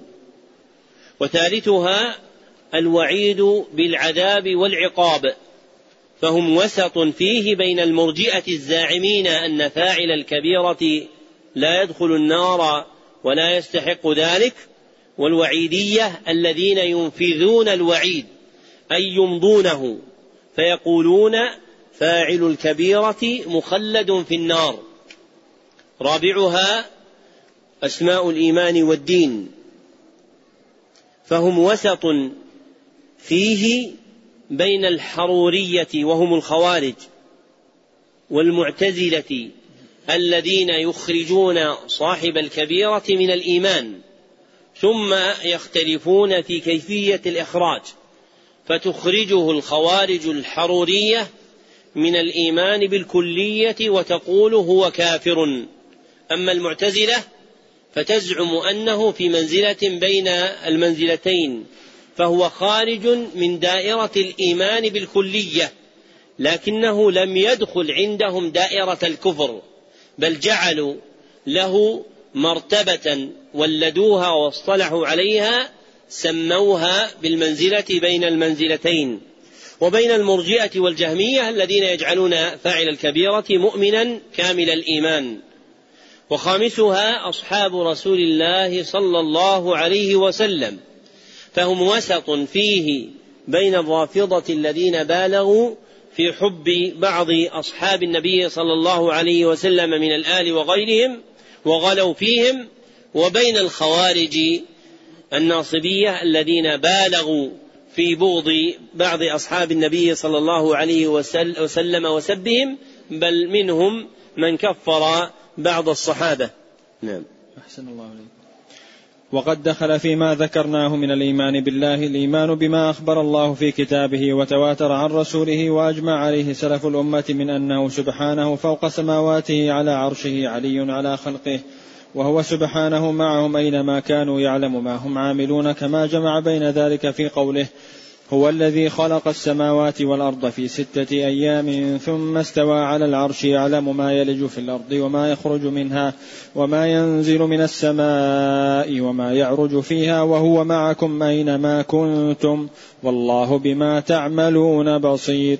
وليس معنى قوله وهو معكم أنه مختلط بالخلق فإن هذا لا توجبه اللغة وهو خلاف ما أجمع عليه سلف الأمة وخلاف ما فطر الله عليه الخلق. بل القمر آية من آيات الله من أصغر مخلوقاته وهو موضوع في السماء وهو مع المسافر أينما كان وهو سبحانه فوق العرش رقيب على خلقه مهيمن عليهم مطلع عليهم إلى غير ذلك من معاني ربوبيته. وكل هذا الكلام الذي ذكره الله سبحانه من أنه فوق العرش وأنه معنا حق على حقيقته لا يحتاج إلى تحريف ولكن يصان عن الظنون الكاذبة مثل أن يظن أن ظاهر قوله في السماء. أن السماء تقله أو تظله وهذا باطل بإجماع أهل العلم والإيمان فإن الله قد وسع كرسيه السماوات والأرض وهو يمسك السماوات والأرض أن تزولا ويمسك السماء أن تقع على الأرض إلا بإذنه ومن آياته أن تقوم السماء والأرض بأمره. وقد دخل في ذلك الإيمان بأنه قريب من خلقه كما قال وإذا سألك عبادي عني فإني قريب أجيب دعوة الداعي إذا دعان. فليستجيبوا لي ولي فليستجيبوا لي وليؤمنوا بي لعلهم يرشدون. وقال صلى الله عليه وسلم إن الذي تدعونه أقرب إلى أحدكم من عنق راحلته وما ذكر في الكتاب والسنة من قربه ومعيته لا ينافي ما ذكر من علوه وفوقيته فإنه سبحانه ليس كمثله شيء في جميع نعوته وهو علي في دنوه قريب في علوه. من الإيمان بالله الإيمان بعلوه ومعيته فهو سبحانه فوق عرشه علي على خلقه وهو معهم أينما كانوا. ولا يراد بالمعية أن الله عز وجل مختلط بالخلق فهذا شيء لا توجبه اللغة التي خطبنا بها في القرآن والسنة كما أنه خلاف ما أجمع عليه سلف الأمة ففطر الله عز وجل عليه الخلق كافة. ولا يراد بأنه في السماء أن السماء تقله أو تضله عز وجل فهذا باطل بإجماع أهل العلم والإيمان. ودخل في ذلك إثبات أنه سبحانه وتعالى قريب من خلقه وقربه ومعيته لا تنافي علوه عز وجل وفوقيته بل هو كما قال شيخ الإسلام علي في دنوه قريب في علوه. والقرب المذكور في باب الصفات مختص بالمؤمنين في أصح قولي أهل العلم رحمهم الله تعالى. ولا يقال إن قرب الله نوعان أحدهما عام وهذا للخلق جميعا والثاني خاص وهذا للمؤمنين. فإن تصرف هذا اللفظ في القرآن الكريم لا يساعد على هذه القسمة. وما جاء من الآي موهما للقرب العام فإنما يراد به قرب الملائكة كما في قوله تعالى ونحن أقرب إليه من حبل الوريد فإن المراد بالقرب هنا قرب الملائكة كما فسره السلف رحمهم الله تعالى. وأما باعتبار الصفة التي هي صفة الله عز وجل فإن القرب فيها مختص بالمؤمنين. وهذا هو معنى استخلاصه لهم واصطفائهم دون سائر الخلق. فيكون لهم منه عز وجل حظ ليس لسائر الخلق في المعية وهو اختصاصهم بقرب الله عز وجل. فصفة القرب مختصة بالمؤمنين ولا يقال إن الله قريب من جميع الخلق بل هذا القرب منطو على معنى الرعاية والعناية والكلاءة المناسبة للمؤمنين دون غيرهم. وما في ظواهر القرآن مما يتوهم منه أن القرب عام فليس من باب الصفة بل هو قرب ملائكة الله عز وجل. نعم. أحسن الله إليكم. ومن الإيمان بالله وكتبه الإيمان بأن القرآن كلام الله منزل غير مخلوق منه بدا وإليه يعود وأن الله تعالى تكلم به حقيقة وأن هذا القرآن الذي أنزله على محمد صلى الله عليه وسلم هو كلام الله حقيقة لا كلام غيره. ولا يجوز إطلاق القول بأنه حكاية عن كلام الله أو عبارة بل إذا قرأه الناس أو كتبوه في المصاحف لم يخرج بذلك على أن يكون كلام الله تعالى حقيقة. فإن الكلام إنما يضاف حقيقة إلى من قاله مبتدئا لا إلى من قاله مبلغا مؤديا. وهو كلام الله حروفه ومعانيه ليس كلام الله الحروف دون المعاني ولا المعاني دون الحروف. من الإيمان بالله وبكتبه الإيمان بأن القرآن كلام الله منزل غير مخلوق. منه بدأ أي تكلم به وأضيف إليه. وإليه يعود أي برفعه من الصدور والمصاحف كما ثبتت بذلك الأحاديث عن النبي صلى الله عليه وسلم وانعقد عليه الإجماع. وهو كلام الله حقيقة. لا كلام غيره ولا يقال فيه إنه حكاية عن كلام الله عز وجل ولا عبارة عنه بل هو كلام الله حروفه ومعانيه. نعم. أحسن الله عليكم. وقد دخل أيضا فيما ذكرناه من الإيمان به وبكتبه وبرسله الإيمان بأن المؤمنون بأن المؤمنين يرونه يوم القيامة عيانا بأبصارهم كما يرون الشمس صحوا ليس دونها سحاب وكما يرون القمر ليلة البدر ولا يضامون في رؤيته. يرونه سبحانه وهم في عرصات القيامة ثم يرونه بعد دخول الجنة كما يشاء الله سبحانه وتعالى. من الإيمان بالله وبكتبه وبرسله الإيمان بأن المؤمنين يرون ربهم يوم القيامة دون الدنيا عيانا بأبصارهم بلا خفاء. وقد ثبت هذا اللفظ عيانا في صحيح البخاري فيرونه سبحانه وتعالى في عرصات القيامة أي متسعاتها ثم يرونه عز وجل في الجنة. والفرق بين الرؤيتين أن الرؤية التي تكون في عرصات يوم القيامة هي رؤية امتحان وتعريف وأن الرؤية التي تكون في الجنة هي رؤية إنعام وتشريف ويشترك معهم في الأولى غيرهم وتختص الثانية بهم فإن الرؤية الأولى تعم المؤمنين وغيرهم على وجه الامتحان والتعريف. أما الرؤية الثانية التي تكون في الجنة فإنها تختص بالمؤمنين. فما في القرآن من ذكر الحجب المراد به الحجب عن رؤية الإنعام والتشريف. أما رؤية الامتحان والتعريف فإنها في أصح قولي أهل العلم واقعة للمؤمنين وغيرهم. نعم. أحسن الله إليك. ومن الإيمان باليوم الآخر الإيمان بكل ما أخبر به النبي صلى الله عليه وسلم مما يكون بعد الموت فيؤمنون بفتنة القبر وبعذاب القبر ونعيمه. فأما الفتنة فإن الناس يفتنون في قبورهم فيقال للرجل من ربك وما دينك ومن نبيك. فيثبت الله الذين آمنوا بالقول الثابت في الحياة الدنيا وفي الآخرة. فيقول المؤمن ربي الله والإسلام ديني ومحمد صلى الله عليه وسلم نبيي. وأما المرتاب فيقول ها ها لا أدري سمعت الناس يقولون شيئا فقلته. فيضرب بمرزبة من حديد فيصيح صيحة يسمعها كل شيء إلا الإنسان ولو سمعها الإنسان لصعق. ثم بعد هذه الفتنة إما نعيم وإما عذاب إلى أن تقوم القيامة الكبرى فتعاد الأرواح إلى الأجساد وتقوم القيامة التي أخبر الله بها في كتابه وعلى لسان رسوله وأجمع عليها المسلمون فيقوم الناس من قبورهم لرب العالمين. حفاة عراة غرلا وتدنو منهم الشمس ويلجمهم العرق فتنصب الموازين فتوزن بها أعمال العباد.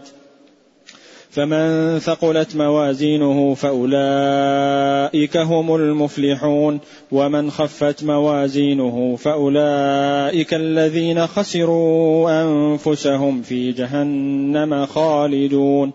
وتنشر الدواوين وهي صحائف الأعمال فآخذ كتابه بيمينه وآخذ كتابه وآخذ كتابه بشماله أو من وراء ظهره كما قال سبحانه وكل إنسان ألزمناه طائره في عنقه ونخرج له يوم القيامة كتابا يلقاه منشورا اقرأ كتابك كفى بنفسك اليوم عليك حسيبا ويحاسب الله الخلائق ويخلو بعبده المؤمن فيقرره بذنوبه كما وصف ذلك في الكتاب والسنة.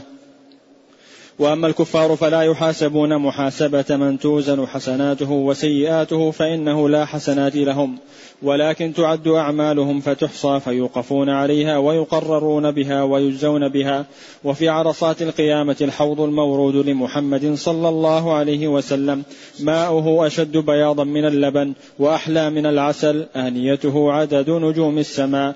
طوله شهر وعرضه شهر من يشرب منه شربة لا يظمأ بعدها أبدا. والصراط منصوب على متن جهنم وهو الجسر الذي بين الجنة والنار يمر الناس عليه على قدر أعمالهم.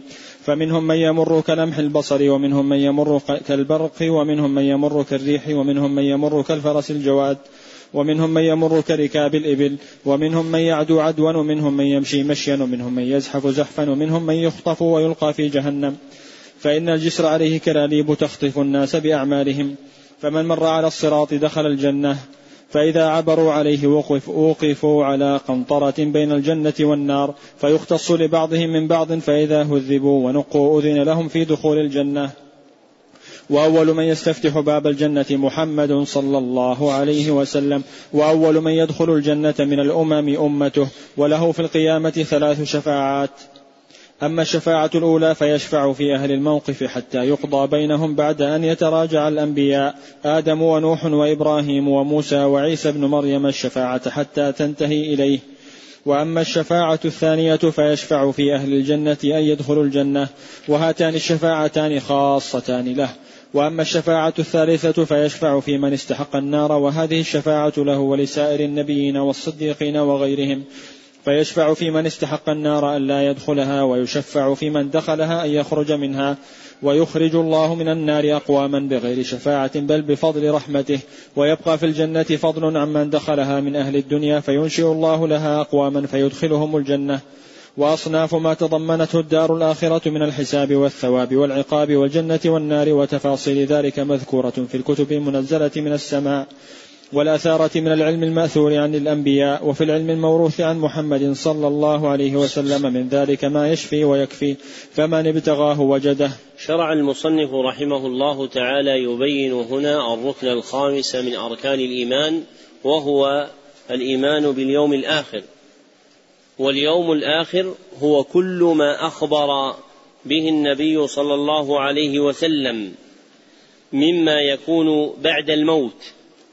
فهو اسم جامع لما يقع بعد الموت وهذا من أحسن ما قيل في حده. وقد استحسن العلامة بن سعدي رحمه الله هذا الضابط في التنبيهات اللطيفة. لكن الخبر عن اليوم الآخر غير مخصوص بالسنة بل ثبوت أحواله يكون بالقرآن والسنة معا. فالأولى أن يقال إن اليوم الآخر اسم جامع لما يكون بعد الموت.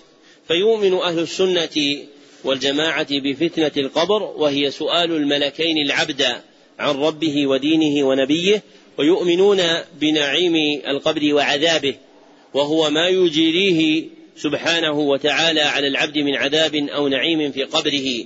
ويؤمنون بيوم القيامة إذا أعيدت الأرواح إلى الأجساد وقام الناس لرب العالمين حفاة عراة غرلا أي غير مختونين. وحينئذ ينصب الميزان وهو واحد في أصح الأقوال. ولكنه جمع باعتبار ما يوزن فيه فإنه لما تعدد الموزون جمع الميزان تعظيما له.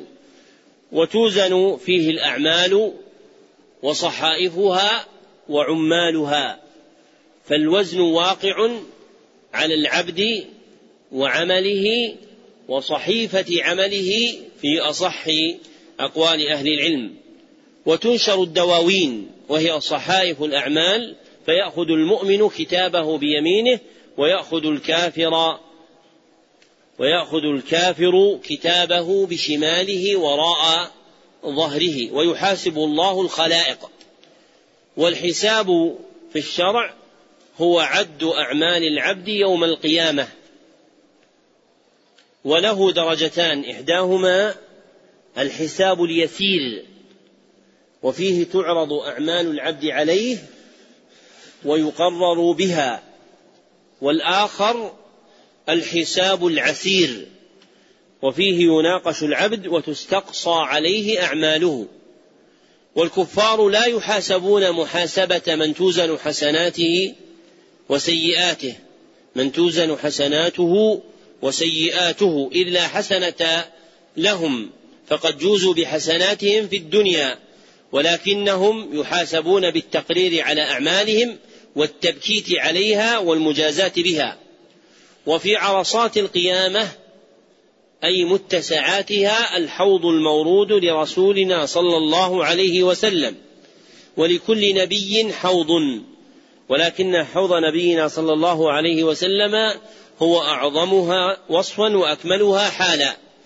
ويؤمن أهل السنة بالصراط وهو جسر منصوب على متن جهنم أي ظهرها. يمر عليه المؤمنون على الصحيح فقط دون غيرهم. ومن قال بعمومه فلا دليل له بل الأحاديث ظاهرة في أن مرور الصراط مختص بالمؤمنين. وأما الكفار فإنهم ينصرفون من العرض الأول. فإن الله عز وجل إذا تجلى في عرصات يوم القيامة لخلقه امتحانا لهم وتعريفا به أمر أن يتبع كل من يعبد غير الله معبوده فيتبع أهل النار معبوداتهم فيقعون في نار جهنم ويبقى المؤمنون ومعهم المنافقون لأنهم منهم في الصورة الظاهرة في الحياة الدنيا. ثم يأمرهم الله سبحانه وتعالى أن يقعوا له ساجدين. فيسجد المؤمنون وأما المنافقون فإن ظهورهم تكون طبقا واحدا فلا يستطيعون أن يسجدوا لله. ثم تلقى عليهم الظلمة. ويجعل الله سبحانه وتعالى للمؤمنين أنوارا يهتدون بها إلى الصراط المستقيم.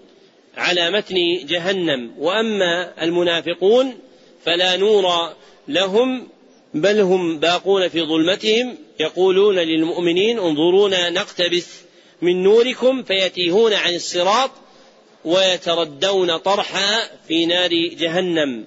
فلا يمر على الصراط إلا أهل الإيمان. والذين تختطف تخطفهم كلاليب جهنم من المارين على الصراط هم عصاة المؤمنين الذين يستحقون دخول النار فيدخلونها ثم يخرجون منها. ويمر المؤمنون على الصراط على قدر أعمالهم. فمنهم من يمر كلمح البصر ومنهم من يمر كالبرق ومنهم من يمر كالريح ومنهم من يمر كالفرس الجواد ومنهم من يمر كركاب الإبل أي الرواحل. فإن الركاب اسم للرواحل التي تتخذ للركوب من النوق. فمن مر على الصراط دخل الجنة ولم يسبق دخوله عذاب. بخلاف من أخذته كلاديب جهنم فإنه يدخل النار ثم يخرج منها ويدخل الجنة. ثم يوقف الذين عبروا الصراط على قنطرة بين الجنة والنار ويقتص لبعضهم من بعض. فإذا نقوا وهذبوا أذن لهم في دخول الجنة. وأول من يستفتح باب الجنة هو محمد صلى الله عليه وسلم. وله في القيامة ثلاث شفاعات. الشفاعة الأولى شفاعته صلى الله عليه وسلم في أهل الموقف من الخلق أن يقضى بينهم وهي الشفاعة العظمى. والثانية شفاعته صلى الله عليه وسلم لأهل الجنة أن يدخلوها. وهاتان الشفاعتان خاصتان به لا مشارك له فيهما. والشفاعة الثالثة شفاعته صلى الله عليه وسلم في من استحق النار. وهذه الشفاعة لا تختص به صلى الله عليه وسلم بل هي له ولسائر النبيين والصديقين وغيرهم من الشفعاء. وهي تتناول كما ذكر المصنف رحمه الله من استحق النار ألا يدخلها ومن دخلها أن يخرج منها. والصحيح أن هذا النوع مختص بمن دخل النار أن يخرج منها. وأما الشفاعة في من استحق النار ألا يدخلها فالتحقيق عدم وجودها لخلو القول بها عن دليل صحيح صريح كما اختاره العلامة ابن القيم خلافا لشيخه أبي العباس بن تيمية رحمه الله في هذا الموضع. فتصير الشفاعة الثالثة هي شفاعته صلى الله عليه وسلم لمن دخل النار أن يخرج منها ولا تقل لمن استحق النار لأنه يكون لفظا عاما. يشمل من استحق النار أن لا يدخلها ومن دخلها أن يخرج منها. والذي دل عليه الدليل هو اختصاص هذه الشفاعة بمن دخل النار أن يخرج منها فقط. ويخرج الله من النار أقواما بغير شفاعة بل بمحض فضله ورحمته. ويبقى في الجنة فضل عمن دخلها من أهل الدنيا يعني زيادة. فينشئ الله عز وجل للجنة أقواما يدخلهم الجنة. وأحوال الدار الآخرة فوق هذا القدر لكن هذه مهماتها. وتفاصيل مفرداتها موجودة في الكتاب والسنة لمن التمسها ومن أراد أن يحقق أحوالها فليلض بالقرآن وصحيح المنقول عن النبي صلى الله عليه وسلم. أما الشغف بالأحاديث الضعيفات والموضوعات والحكايات السخيفات الباردات في ذكر أحوال الآخرة فهذا وإن توهم أنه في الظاهر يشوق إلى الجنة ويخوف من النار فلا خير فيه. إذ الخير كل الخير والشفاء كل الشفاء مردود إلى الكتاب والسنة. نعم. أحسن الله إليكم. وتؤمن الفرقة الناجية أهل السنة والجماعة بالقدر خيره وشره والإيمان بالقدر على درجتين كل درجة تتضمن شيئين. فالدرجة الأولى الإيمان بأن الله تعالى علم بما الخلق عاملون بعلمه القديم الذي هو موصوف به أزلا وأبدا وعلم جميع أحوالهم من الطاعات والمعاصي والأرزاق والآجال ثم كتب الله تعالى في اللوح المحفوظ مقادير الخلائق. فأول ما خلق الله القلم قال له اكتب قال ما أكتب قال اكتب ما هو كائن إلى يوم القيامة. فما أصاب الإنسان لم يكن ليخطئه وما أخطأه لم يكن ليصيبه. جفت الأقلام وطويت الصحف كما قال سبحانه. ألم تعلم أن الله يعلم ما في السماء والأرض؟ إن ذلك في كتاب إن ذلك على الله يسير. وقال ما أصاب من مصيبة في الأرض ولا في أنفسكم إلا في كتاب من قبل أن نبرأها إن ذلك على الله يسير. وهذا التقدير التابع لعلمه سبحانه يكون في مواضع جملة وتفصيلا. فقد كتب في اللوح المحفوظ ما شاء. فإذا خلق جسد الجنين قبل نفخ الروح فيه بعث إليه ملكا فيؤمر بأربع كلمات. فيقال اكتب رزقه واجله وعمله وشقي أو سعيد ونحو ذلك. فهذا القدر قد كان ينكره غلاة القدرية قديما ومنكروه اليوم قليل. وأما الدرجة الثانية فهو مشيئة الله النافذة وقدرته الشاملة وهو الإيمان بأن ما شاء الله كان وما لم يشأ لم يكن وأنه ما في السماوات وما في الأرض من حركة ولا سكون إلا بمشيئته بمشيئة الله تعالى لا يكون في ملكه ما لا يريد وأنه سبحانه وتعالى على كل شيء قدير من الموجودات والمعدومات. فما من مخلوق في الأرض ولا في السماء إلا الله خالقه سبحانه لا خالق غيره ولا رب سواه. لا خالق غيره. أحسن الله عليكم. لا خالق غيره ولا رب سواه. ومع ذلك فقد أمر العباد بطاعته وطاعة رسله ونهاهم عن معصيته وهو سبحانه يحب المتقين والمحسنين والمقسطين ويرضى عن الذين آمنوا وعملوا الصالحات ولا يحب الكافرين ولا يرضى عن القوم الفاسقين ولا يأمر بالفحشاء ولا يرضى لعباده الكفر ولا يحب الفساد. والعباد فاعلون حقيقة والله خالق أفعالهم والعبد هو المؤمن والكافر وال والعبد والعبد هو المؤمن والكافر والبر والفاجر والمصلي والصائم وللعباد قدرة على أعمالهم وإرادة والله خالقهم وخالق قدرتهم وإرادتهم كما قال الله تعالى لمن شاء منكم أن يستقيم وما تشاءون إلا أن يشاء الله رب العالمين وهذه الدرجة من القدر يكذب بها عامة القدرية الذين سماهم النبي صلى الله عليه وسلم مجوس هذه الأمة. ويغلو فيها قوم من أهل الإثبات حتى سلبوا العبد قدرته واختياره ويخرجون عن أفعال الله وأحكامه حكمها ومصالحها. ذكر المصنف رحمه الله في هذه الجملة الركن السادس من أركان الإيمان وهو الإيمان بالقدر. وأنه يأتي على درجتين. الأولى الدرجة السابقة لظهور المقدور وتتضمن علم الله بالمقادير وكتابته لها. والثانية الدرجة المصاحبة لوقوع المقدور وتتضمن خلق الله للمقدور ومشيئته إياه. ومراتب القدر الأربع العلم والكتابة والخلق والمشيئة منتظمة في هاتين الدرجتين اللتين ذكرتا. وحقيقة القدر أنه علم الله بالكائنات أي الوقائع. أنه علم الله بالكائنات وكتابته لها وخلقه ومشيئته إياها. هذا هو حده الجامع لمراتبه الأربع بدرجتيها الاثنتين. ومما يندرج في هذا الباب الإيمان بأن للعبد مشيئة وقدرة وهبها الله عز وجل إياه لكنها تابعة لمشيئة الله وقدرته. والدرجة الثانية من درجتي القدر ينكرها عامة القدرية الذين يزعمون أن العبد يخلق فعله فيقدره ويشاؤه ولا يعلمه الله إلا بعد وقوعه. ويغلو فيها قوم من أهل الإثبات المثبتة للقدر وهم الجبرية حتى سلبوا العبد قدرته ومشيئته وجعلوه مجبورا على أفعاله لا قدرة له على شيء منها وعطلوا أفعال الله وأحكامه عن حكمها ومصالحها كما ذكر أبو العباس ابن تيمية رحمه الله. نعم. أحسن الله إليكم.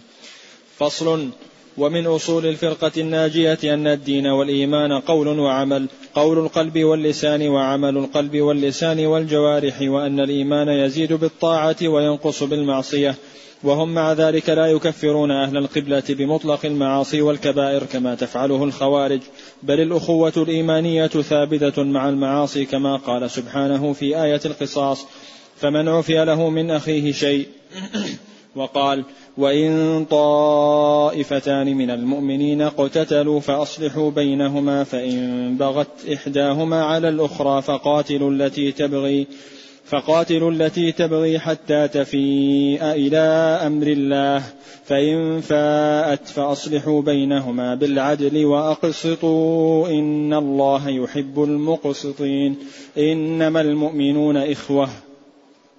ولا يسلبون الفاسق الملي الإيمان بالكلية ولا يخلدونه في النار كما تقول المعتزلة بل الفاسق يدخل في اسم الإيمان المطلق في مثل قوله تعالى فتحرير رقبة مؤمنة وقد لا يدخل في اسم الإيمان المطلق كما في قوله تعالى إنما المؤمنون الذين إذا ذكر الله وجلت قلوبهم وقوله صلى الله عليه وسلم لا يزني الزاني حين يزني وهو مؤمن ولا يسرق السارق حين يسرق وهو مؤمن ولا يشرب الخمر حين يشربها وهو مؤمن ولا ينتهب نهبة ذات شرف يرفع الناس إليه فيها أبصارهم حين ينتهبها وهو مؤمن. ويقولون هو مؤمن ناقص الإيمان أو مؤمن بإيمانه فاسق بكبيرته فلا يعطى الاسم المطلق ولا يسلب مطلق الاسم. الإيمان في الشرع له معنيان اثنان. أحدهما عام وهو الدين الذي بعث به محمد صلى الله عليه وسلم. وحقيقته التصديق الجازم باطنا وظاهرا بالله تعبدا له بالشرع المنزل على محمد صلى الله عليه وسلم على مقام المشاهدة أو المراقبة. والآخر خاص وهو الاعتقادات الباطنة. وهذا هو المعنى المقصود إذا قرن الإيمان بالإسلام والإحسان. والإيمان بمعناه العام منقسم على القلب واللسان والجوارح. وإلى ذلك يشار بقول أهل السنة رحمهم الله الإيمان قول وعمل فالقول قول القلب واللسان والعمل عمل القلب واللسان وقول القلب هو إقراره وعمل القلب هو حركاته فيما يريده الله سبحانه وتعالى من المحبوبات. فالاعتقاد مثلا بأن الله سبحانه وتعالى واحد أحد هذا من قول القلب. والتوكل على الله عمل من أعمال القلب لأن للقلب فيه حركة اقتضت توجه القلب إلى الله بتفويض الأمر إليه. وقول اللسان هو نطقه وعمل الجوارح هو الفعل والترك. والإيمان يزيد وينقص وزيادته أثر الطاعة ونقصه أثر المعصية. ومن فعل كبيرة فهو فاسق ليس بمؤمن كامل الإيمان ولا بكافر بل هو مؤمن ناقص الإيمان أو مؤمن فاسق بكبيرته. فلا يعطى الاسم المطلق. المؤمن ولا يسلب مطلق الاسم فيقال في حقه كافر بل يكون مؤمنا بما عنده من الإيمان فاسقا بما أصاب من كبيرة. والأخوة الإيمانية ثابتة مع المعاصي لا تزول ولا تحول لا كما تزعمه الخوارج المكفرة بالكبيرة الحاكمة بخلود صاحب الكبيرة في النار ولا كما تزعمه المعتزلة الذين يسلبون الفاسق اسم الإيمان ويخرجونه من الإيمان بالكلية لكنهم يجعلونه في منزلة بين المنزلتين في الدنيا ويحكمون عليه في الآخرة بالنار. نعم. أحسن الله إليك. ومن أصول أهل السنة والجماعة سلامة قلوبهم وألسنتهم لأصحاب محمد صلى الله عليه وسلم كما وصفهم الله به في قوله تعالى والذين جاءوا من بعدهم يقولون ربنا اغفر لنا ولإخواننا الذين سبقونا بالإيمان. ولا تجعل في قلوبنا غلا للذين آمنوا ربنا إنك رؤوف رحيم. وطاعة النبي صلى الله عليه وسلم في قوله لا تسبوا أصحابي فوالذي نفسي بيده لو أن أحدكم أنفق مثل أحد ذهبا ما بلغ مد أحدهم ولا نصيفه. ويقبلون ما جاء به الكتاب أو السنة أو الإجماع من فضائلهم ومراتبهم. فيفضلون من أنفق من قبل الفتح وهو صلح الحديبية وقاتل على من أنفق من بعد وقاتل ويقدمون المهاجرين على الأنصار ويؤمنون بأن الله قال لأهل, بدر وكانوا ثلاثمائة وبضعة عشر اعملوا ما شئتم فقد غفرت لكم. وبأنه لا يدخل النار أحد بايع تحت الشجرة كما أخبر به النبي صلى الله عليه وسلم بل قد رضي الله عنهم ورضوا عنه وكانوا أكثر من ألف وأربعمائة. ويشهدون بالجنة لمن شهد له النبي صلى الله عليه وسلم كالعشرة وكثابة بن قيس بن شماس وغيرهم من الصحابة. ويقرون بما تواتر به النقل عن أمير المؤمنين علي بن أبي طالب رضي الله عنه وغيره. وغيره من أن خير هذه الأمة بعد نبيها أبو بكر ثم عمر ويثلثون بعثمان ويربعون بعلي رضي الله عنهم. كما دلت عليه الآثار وكما أجمع الصحابة على تقديم عثمان في البيعة مع أن بعض أهل السنة كانوا قد اختلفوا في عثمان وعلي رضي الله عنهما بعد اتفاقهم على تقديم أبي بكر وعمر أيهما أفضل فقدم قوم عثمان وسكتوا أو ربعوا بعلي وقدم قوم عليا وقوم توقفوا لكن استقر أمر أهل السنة على تقديم عثمان على علي على تقديم عثمان ثم علي وإن كانت هذه المسألة مسألة عثمان وعلي ليست من الأصول التي يضلل المخالف فيها عند جمهور أهل السنة لكن المسألة التي يضلل فيها مسألة الخلافة وذلك أنهم يؤمنون بأن الخليفة بعد رسول الله صلى الله عليه وسلم أبو بكر ثم عمر ثم عثمان ثم علي. ومن طعن في خلافة أحد من هؤلاء فهو أضل من حمار أهله. ويحبون أهل البيت ويحبون أهل بيت رسول الله صلى الله عليه وسلم ويتولونهم ويحفظون فيهم وصية رسول الله صلى الله عليه وسلم حيث قال يوم غدير خم أذكركم الله في أهل بيتي. وقال أيضا للعباس عمه وقد اشتكى إليه أن بعض قريش يجفو بني هاشم. فقال والذي نفسي بيده لا يؤمنون حتى يحبوكم لله ولقرابتي. وقال إن الله اصطفى إسماعيل واصطفى من بني إسماعيل كنانة واصطفى من كنانة قريشا واصطفى من قريش بني هاشم واصطفاني من بني هاشم. ويتولون أزواج رسول الله صلى الله عليه وسلم أمهات المؤمنين. ويؤمنون بأنهن أزواجه في الآخرة خصوصا خديجة رضي الله عنها أم أكثر أولاده وأول من آمن به وعاضده على أمره وكان لها منه المنزلة العالية. والصديقة بنت الصديق رضي الله عنها التي قال فيها النبي صلى الله عليه وسلم فضل عائشة على النساء كفضل الثريد على سائر الطعام. ويتبرؤون من طريقة الروافض الذين يبغضون الصحابة ويسبونهم ومن طريقة النواصب الذين يؤذون أحسن الله عليك. ومن طريقة النواصب الذين يؤذون أهل بيت عندك في النسخة ومن طريقة؟ وطريقة أحسن الله وطريقة النواصب الذين يؤذون أهل البيت بقول أو عمل ويمسكون عما شجر بين الصحابة ويقولون إن هذه الآثار المروية في من إن هذه الآثار المروية في مساويهم منها ما هو كذب ومنها ما قد زيد فيه ونقص وغير عن وجهه والصحيح منه هم فيه معذورون إما مجتهدون مصيبون وإما مجتهدون مخطئون. وهم مع ذلك لا يعتقدون أن كل واحد من الصحابة معصوم عن كبائر الإثم وصغائره بل تجوز عليهم الذنوب في الجملة ولهم من السوابق والفضائل ما يوجب مغفرة ما يصدر منهم إن صدر. حتى إنهم يغفر لهم من السيئات ما لا يغفر لمن بعدهم لأن لهم من الحسنات التي تمحو السيئات ما ليس لمن بعدهم. وقد ثبت بقول رسول الله صلى الله عليه وسلم أنهم خير القرون وأن المد من أحدهم إذا تصدق به كان أفضل. كان أفضل من جبل أحد ذهبا ممن بعدهم. ثم إذا كان قد صدر, صدر عن أحدهم ذنب فيكون قد تاب منه أو أتى بحسنات تمحوه أو غفر له بفضل سابقته أو بشفاعة محمد صلى الله عليه وسلم الذي هم أحق الناس بشفاعته أو ابتلي ببلاء في الدنيا كفر به عنه. فإذا كان هذا في الذنوب المحققة فكيف الأمور التي كانوا فيها مجتهدين إن أصابوا فلهم أجران وإن أخطأوا فلهم أجر واحد والخطأ مغفور.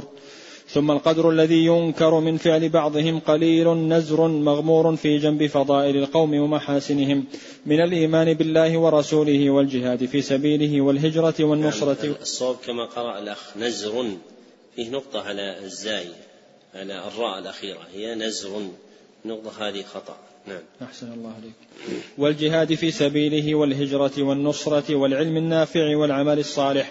ومن نظر في سيرة القوم بعلم وبصيرة وما من الله به عليهم من الفضائل علم يقينا أنهم خير الخلق بعد الأنبياء.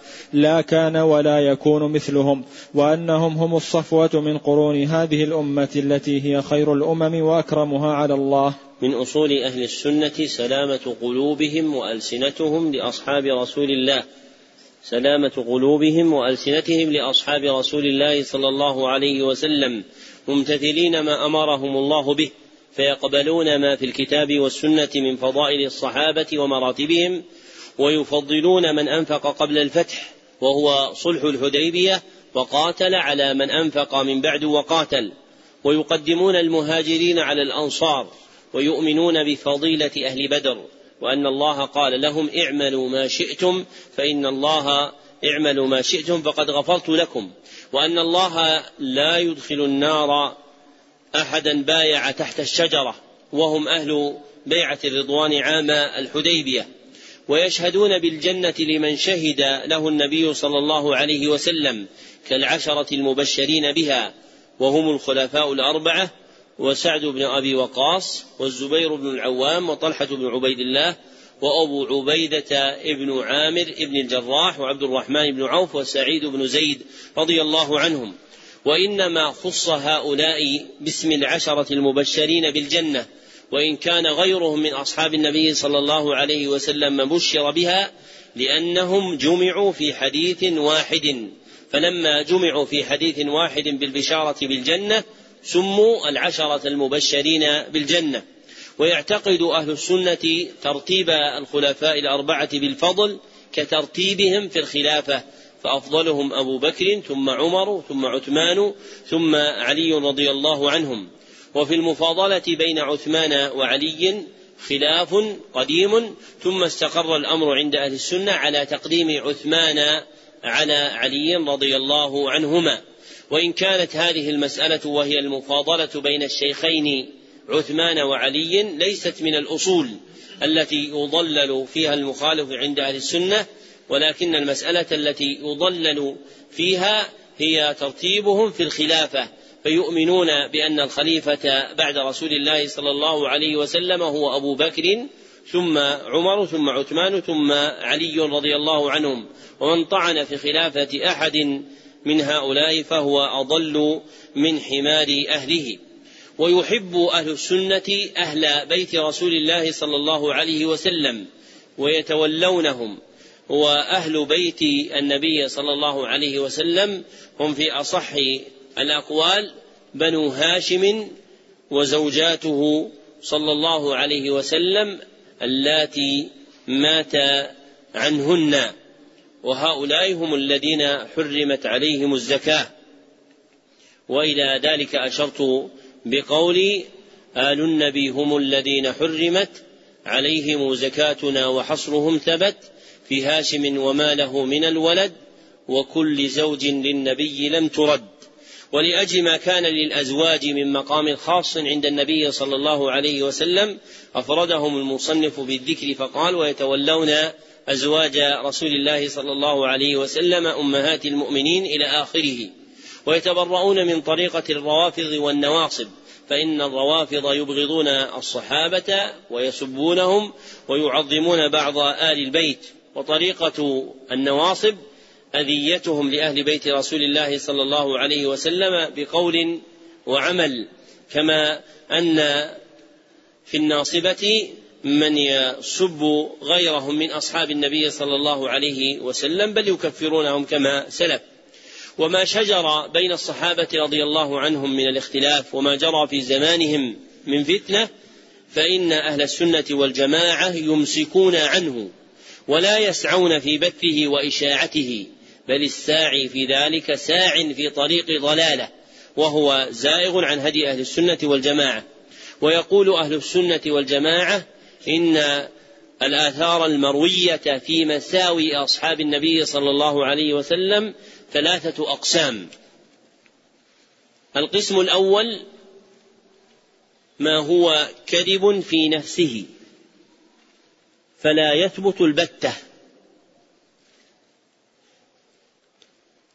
والثاني ما زيد فيه ونقص وغير عن وجهه. وهذان النوعان هما أكثر الفاشي في كتب التواريخ والأخبار. فإن الغالب في كتب التواريخ والأخبار هو ذكر الكذب أو المحول عن وجهه من أخبارهم. وبهذا انحطت رتبة كتب التاريخ والأخبار عن رتبة كتب السنن والآثار في نقل خلاف الصحابة وما شجر بينهم. فالمعول في نقل ما وقع بينهم هو كتب السنن والآثار لا كتب التواريخ والأخبار. والقسم الثالث صحيح عنهم رضي الله عنهم وأكثره هو الذي يروى في كتب السنن والآثار لا التواريخ والأخبار.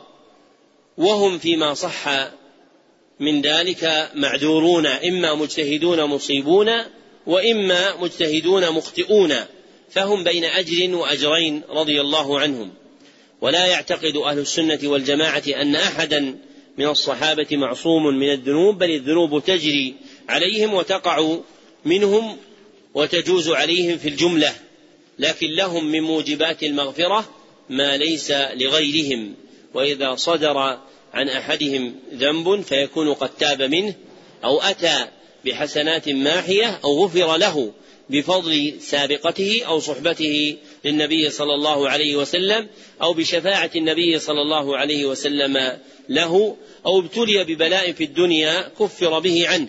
وإذا كان هذا في الذنوب المحققة المجزوم بها فكيف في الأمور التي كانوا فيها مجتهدين؟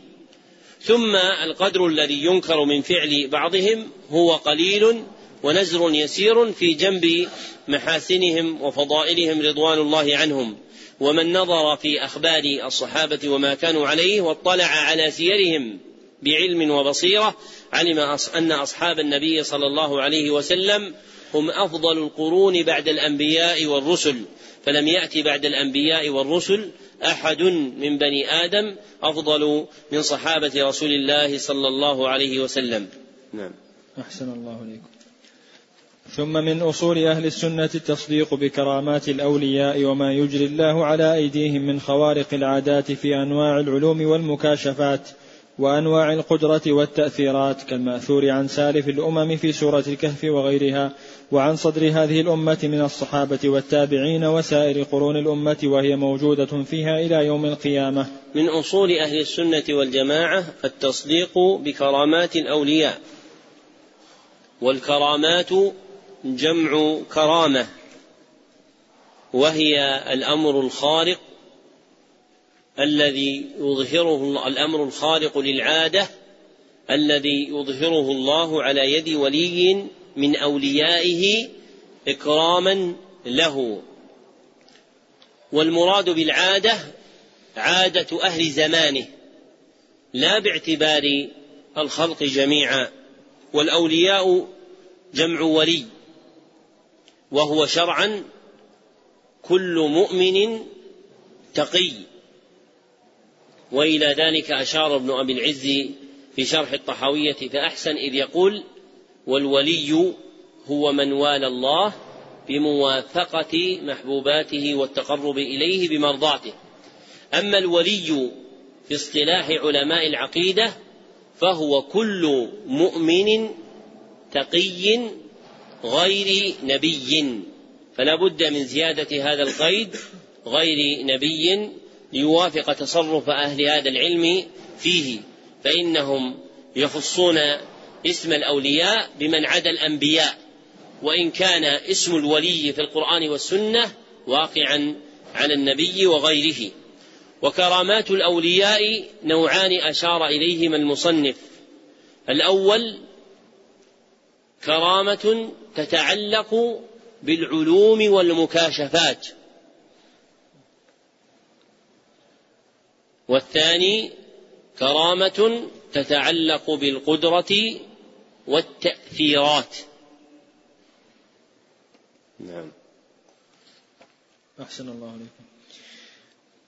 ثم من طريقة أهل السنة والجماعة اتباع آثار رسول الله صلى الله عليه وسلم باطنا وظاهرا واتباع سبيل السابقين الأولين من المهاجرين والأنصار واتباع وصية رسول الله صلى الله عليه وسلم حيث قال عليكم بسنتي وسنة الخلفاء الراشدين المهديين من بعدي تمسكوا بها وعضوا عليها بالنواجذ وإياكم ومحدثات الأمور فإن كل محدثة بدعة وكل أحسن الله عليكم. فإن كل محدثة بدعة فإن كل عندك إيش؟ فإن كل محدثة بدعة. محدث كل محدثة. أحسن الله عليك. فإن كل محدث بدعة وكل بدعة ضلالة. ويعلمون أن أصدق الكلام كلام ويعلمون أن أصدق الكلام كلام الله وخير الهدي هدي محمد صلى الله عليه وسلم. فيؤثرون كلام الله على غيره من كلام أصناف الناس ويقدمون هدي محمد صلى الله عليه وسلم على هدي كل أحد. ولهذا سموا أهل الكتاب والسنة وسموا أهل الجماعة لأن الجماعة هي الاجتماع وضدها الفرقة. وإن كان لفظ الجماعة قد صار اسما لنفس القوم المجتمعين والإجماع هو الأصل الثالث الذي يعتمد في العلم والدين. وهم يزنون بهذه الأصول الثلاثة جميع ما عليه الناس من أقوال وأعمال باطنة أو ظاهرة مما له تعلق بالدين. والإجماع الذي ينضبط هو ما كان عليه السلف الصالح إذ بعدهم كثر الاختلاف وانتشرت الأمة. من طريقة أهل السنة الاتباع لرسول الله صلى الله عليه وسلم. ولسبيل السابقين من المهاجرين والأنصار والتمسك بالسنة النبوية وسنة الخلفاء الراشدين المهديين ومجانبة محدثات الأمور لأن كل محدثة بدعة وكل بدعة ضلالة. ويعلم أهل السنة أن أصدق الكلام كلام الله وأن خير الهدي هدي محمد صلى الله عليه وسلم. ولأجل هذا آثروا كلام الله على كلام غيره وقدموا هدي محمد صلى الله عليه وسلم على هدي غيره. فسموا أهل الكتاب والسنة لأخذهم بهذين الأصلين. وسموا أهل الجماعة لأن الجماعة هي الاجتماع وضدها الفرقة. وهم يزنون بالقرآن والسنة والإجماع جميع ما عليه الناس من أقوال وأعمال. فلا يزنون الخلق بالصور والأموال وإنما يزنون أحوال الخلق بالكتاب والسنة والإجماع. وهذا أمر لا يتمكن منه العبد إلا بتخلية نفسه من ابتغاء الأغراض واكتساب الأعواض فإذا طهرت نفس العبد من المطالبة والمغالبة والمعاتبة وزن الخلق بما أمره الله عز وجل به. والنسبة إلى السنة متفاوتة في الخلق لاختلاف حظوظهم في التزامهم بها فجم غفير من الناس ينتسبون إلى السنة لكن صدق إثمها عليهم يكون بقدر امتثالهم لها. ومن جملة الامتثال للسنة ولا سيما في هذه الأعصار أن يكون ميزانك في الحكم على أحوال الخلق هو الكتاب والسنة والإجماع. فلا تحكمن على أحد بما خرج عن هذا الميزان. ومن وفقه الله عز وجل إلى إعماله سعد وأسعد. ومن تنكب هذا الطريق فقد تنكب طريقة أهل السنة والجماعة. ولا يستطيع الصبر على ذلك بإقامة العدل إلا أولو العصبة من الرجال الذين يهيئ الله عز وجل لهم علما صحيحا وعملا صالحا وقصدا سليما وإيمانا راسخا فيمضون إعمال هذا الميزان على وجهه دون تغيير ولا تبديل. والإجماع الذي ينضبط هو ما كان عليه السلف الصالح رحمهم الله إذ بعدهم كثر الاختلاف وانتشرت الأمة كما ذكر المصنف. وليس المراد من كلام شيخ الإسلام نفي إمكان وقوع الإجماع بعدهم ولكن المقصود هو استبعاده لأن الذي يمكن ضبطه هو ما كان عليه السلف فالقلوب حينئذ كانت نقية والعلوم في نفوس الخلق قوية. نعم. أحسن الله عليك. ثم هم مع هذه الأصول يأمرون بالمعروف بالمعروف وينهون عن المنكر على ما توجبه الشريعة. ويرون إقامة الحج والجهاد والجمع والأعياد مع الأمراء أبرارا كانوا أو فجارا ويحافظون على الجماعات ويدينون بالنصيحة للأمة. ويعتقدون معنى قوله صلى الله عليه وسلم المؤمن للمؤمن كالبنيان يشد بعضه بعضا وشبك بين أصابعه. وقوله صلى الله عليه وسلم مثل المؤمنين في توادهم وتراحمهم وتعاطفهم كمثل الجسد إذا اشتكى منه عضو تداعى له سائر الجسد بالحمى والسهر. ويأمرون بالصبر على البلاء والشكر عند الرخاء والرضا بمر القضاء. ويدعون إلى مكارم الأخلاق ومحاسن الأعمال ويعتقدون معنى قوله صلى الله عليه وسلم أكمل المؤمنين إيمانا أحسنهم خلقا. ويندبون إلى أن تصل من قطعك وتعطي من حرمك وتعفو عن من ظلمك. ويأمرون ببر الوالدين وصلة, وصلة الأرحام وحسن الجوار والإحسان إلى اليتامى والمساكين وابن السبيل والرفق بالمملوك. وينهون عن الفخر والخيلاء والبغي والاستطالة على الخلق بحق أو بغير حق ويأمرون بمعالي الأخلاق وينهون عن سفسافها. من طريقة أهل السنة وأخلاقهم الأمر بالمعروف والنهي عن المنكر على ما توجبه الشريعة أي بحسب الأمر الديني لا بحسب الهوى والرأي ويحفظون الأخوة الإيمانية والحمية الإسلامية للمؤمنين جميعا. ويدينون بالنصيحة لهم ويأمرون بالصبر على البلاء والشكر عند الرخاء والرضا بمر القضاء ويدعون إلى مكارم الأخلاق ومحاسن الأعمال كصلة من قطعك وإعطاء المحروم والعفو عن الظالم ويأمرون ببر الوالدين وصلة الأرحام وحسن الجوار والإحسان إلى اليتامى والمساكين وابن السبيل والرفق بالمملوك. وينهون عن الفخر والخيلاء والبغي والاستطالة على الخلق بحق أو بغير حق وغيرها من أخلاق الظلم والبطش.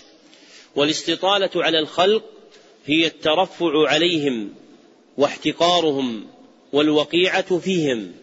فإن كان المستطيل استطال بحق وأمر صدق فقد افتخر وإن استطال بغير حق فقد بغى وكلاهما خلق محرم ولهذا ذكر أبو العباس بن تيمية من مساوئ الأخلاق الاستطالة على الخلق بحق أو بغير حق لأنها إما فخر وإما بغي ويأمر أهل السنة بمعالي الأخلاق وينهون عن سفسافها أي رديئها فكل خلق خلق رديء فإن أهل السنة براء منه ناهين عنه. نعم. أحسن الله عليك وكل ما يقولونه أو يفعلونه من هذا أو غيره فإنما هم فيه متبعون للكتاب والسنة. وطريقتهم هي دين الإسلام الذي بعث الله به محمدا صلى الله عليه وسلم.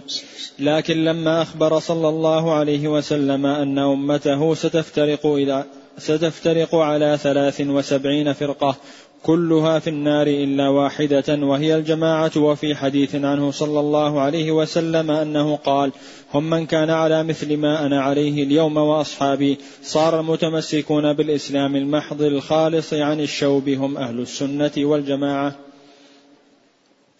وفيهم وفيهم وفيهم الصديقون والشهداء والصالحون. والشهداء والصالحون ومنهم أعلام الهدى ومصابيح الدجى.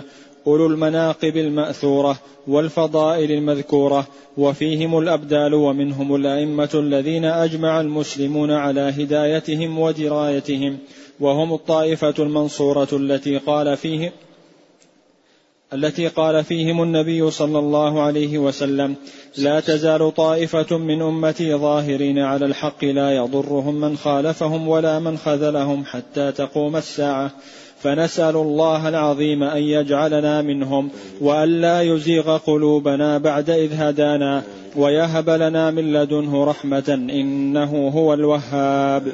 والحمد لله رب العالمين وصلواته وسلامه على سيدنا محمد وآله وعلى سائر المرسلين والنبيين وآل كل وسائر الصالحين.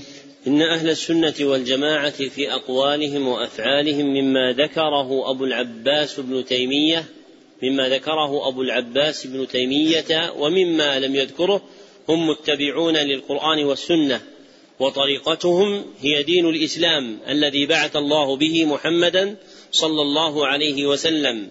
لكنه أخبر صلوات الله وسلامه عليه أن أمته ستفترق على ثلاث وسبعين فرقة كلها في النار إلا واحدة وهي الجماعة.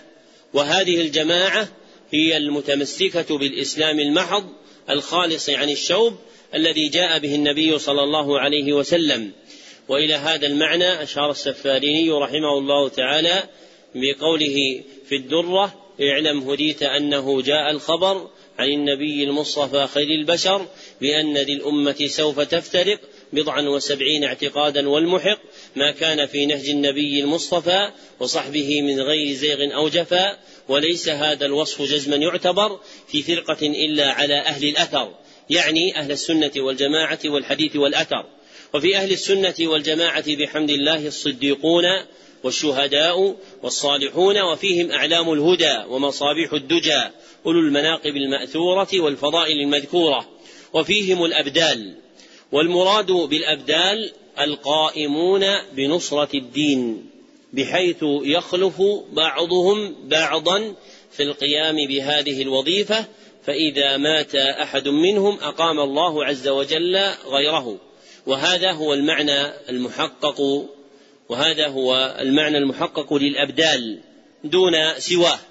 ومنهم الأئمة الذين أجمع المسلمون على هدايتهم ودرايتهم وهم الطائفة المنصورة الذين قال فيهم النبي صلى الله عليه وسلم لا تزال طائفة من أمتي ظاهرين عن الحق لا يضرهم من خالفهم ولا من خذلهم حتى تقوم الساعة ففيهم كل فضيلة وهم براء بحمد الله من كل رذيلة وقد جعل الله عز وجل لهم أسماء فسماهم عباد الله والمؤمنين والمسلمين ووقعت لهم أسماء ووقعت لهم أسماء أخرى بحسب مقتضيها فسموا بأهل السنة والجماعة وبأهل الكتاب والسنة وبأهل الحديث والأثر وغير ذلك مما دعا له داعي المخالفة لأهل البدع والرأي والهوى والوجد والذوق. وبهذا ينتهي شرح الكتاب على نحو مختصر يوقف على مقاصده الكلية ويبين معانيه الإجمالية. اللهم إنا نسألك علما في المهمات ومهما في المعلومات وبالله التوفيق. ونبدأ بإذن الله عز وجل بعد فجر غد في كتاب التوحيد لإمام الدعوة محمد بن عبد الوهاب. وسنؤخر الإجابة عن أسئلتكم إلى آخر الدروس في يوم الخميس بإذن الله عز وجل وأرجو أن تكتبوا أسئلتكم في الأوراق المعينة لذلك دون غيرها من الأوراق رجاء حفظها وصيانتها. وفق الله الجميع لما يحب ويرضى وصلى الله وسلم على عبده ورسوله محمد وآله وصحبه أجمعين.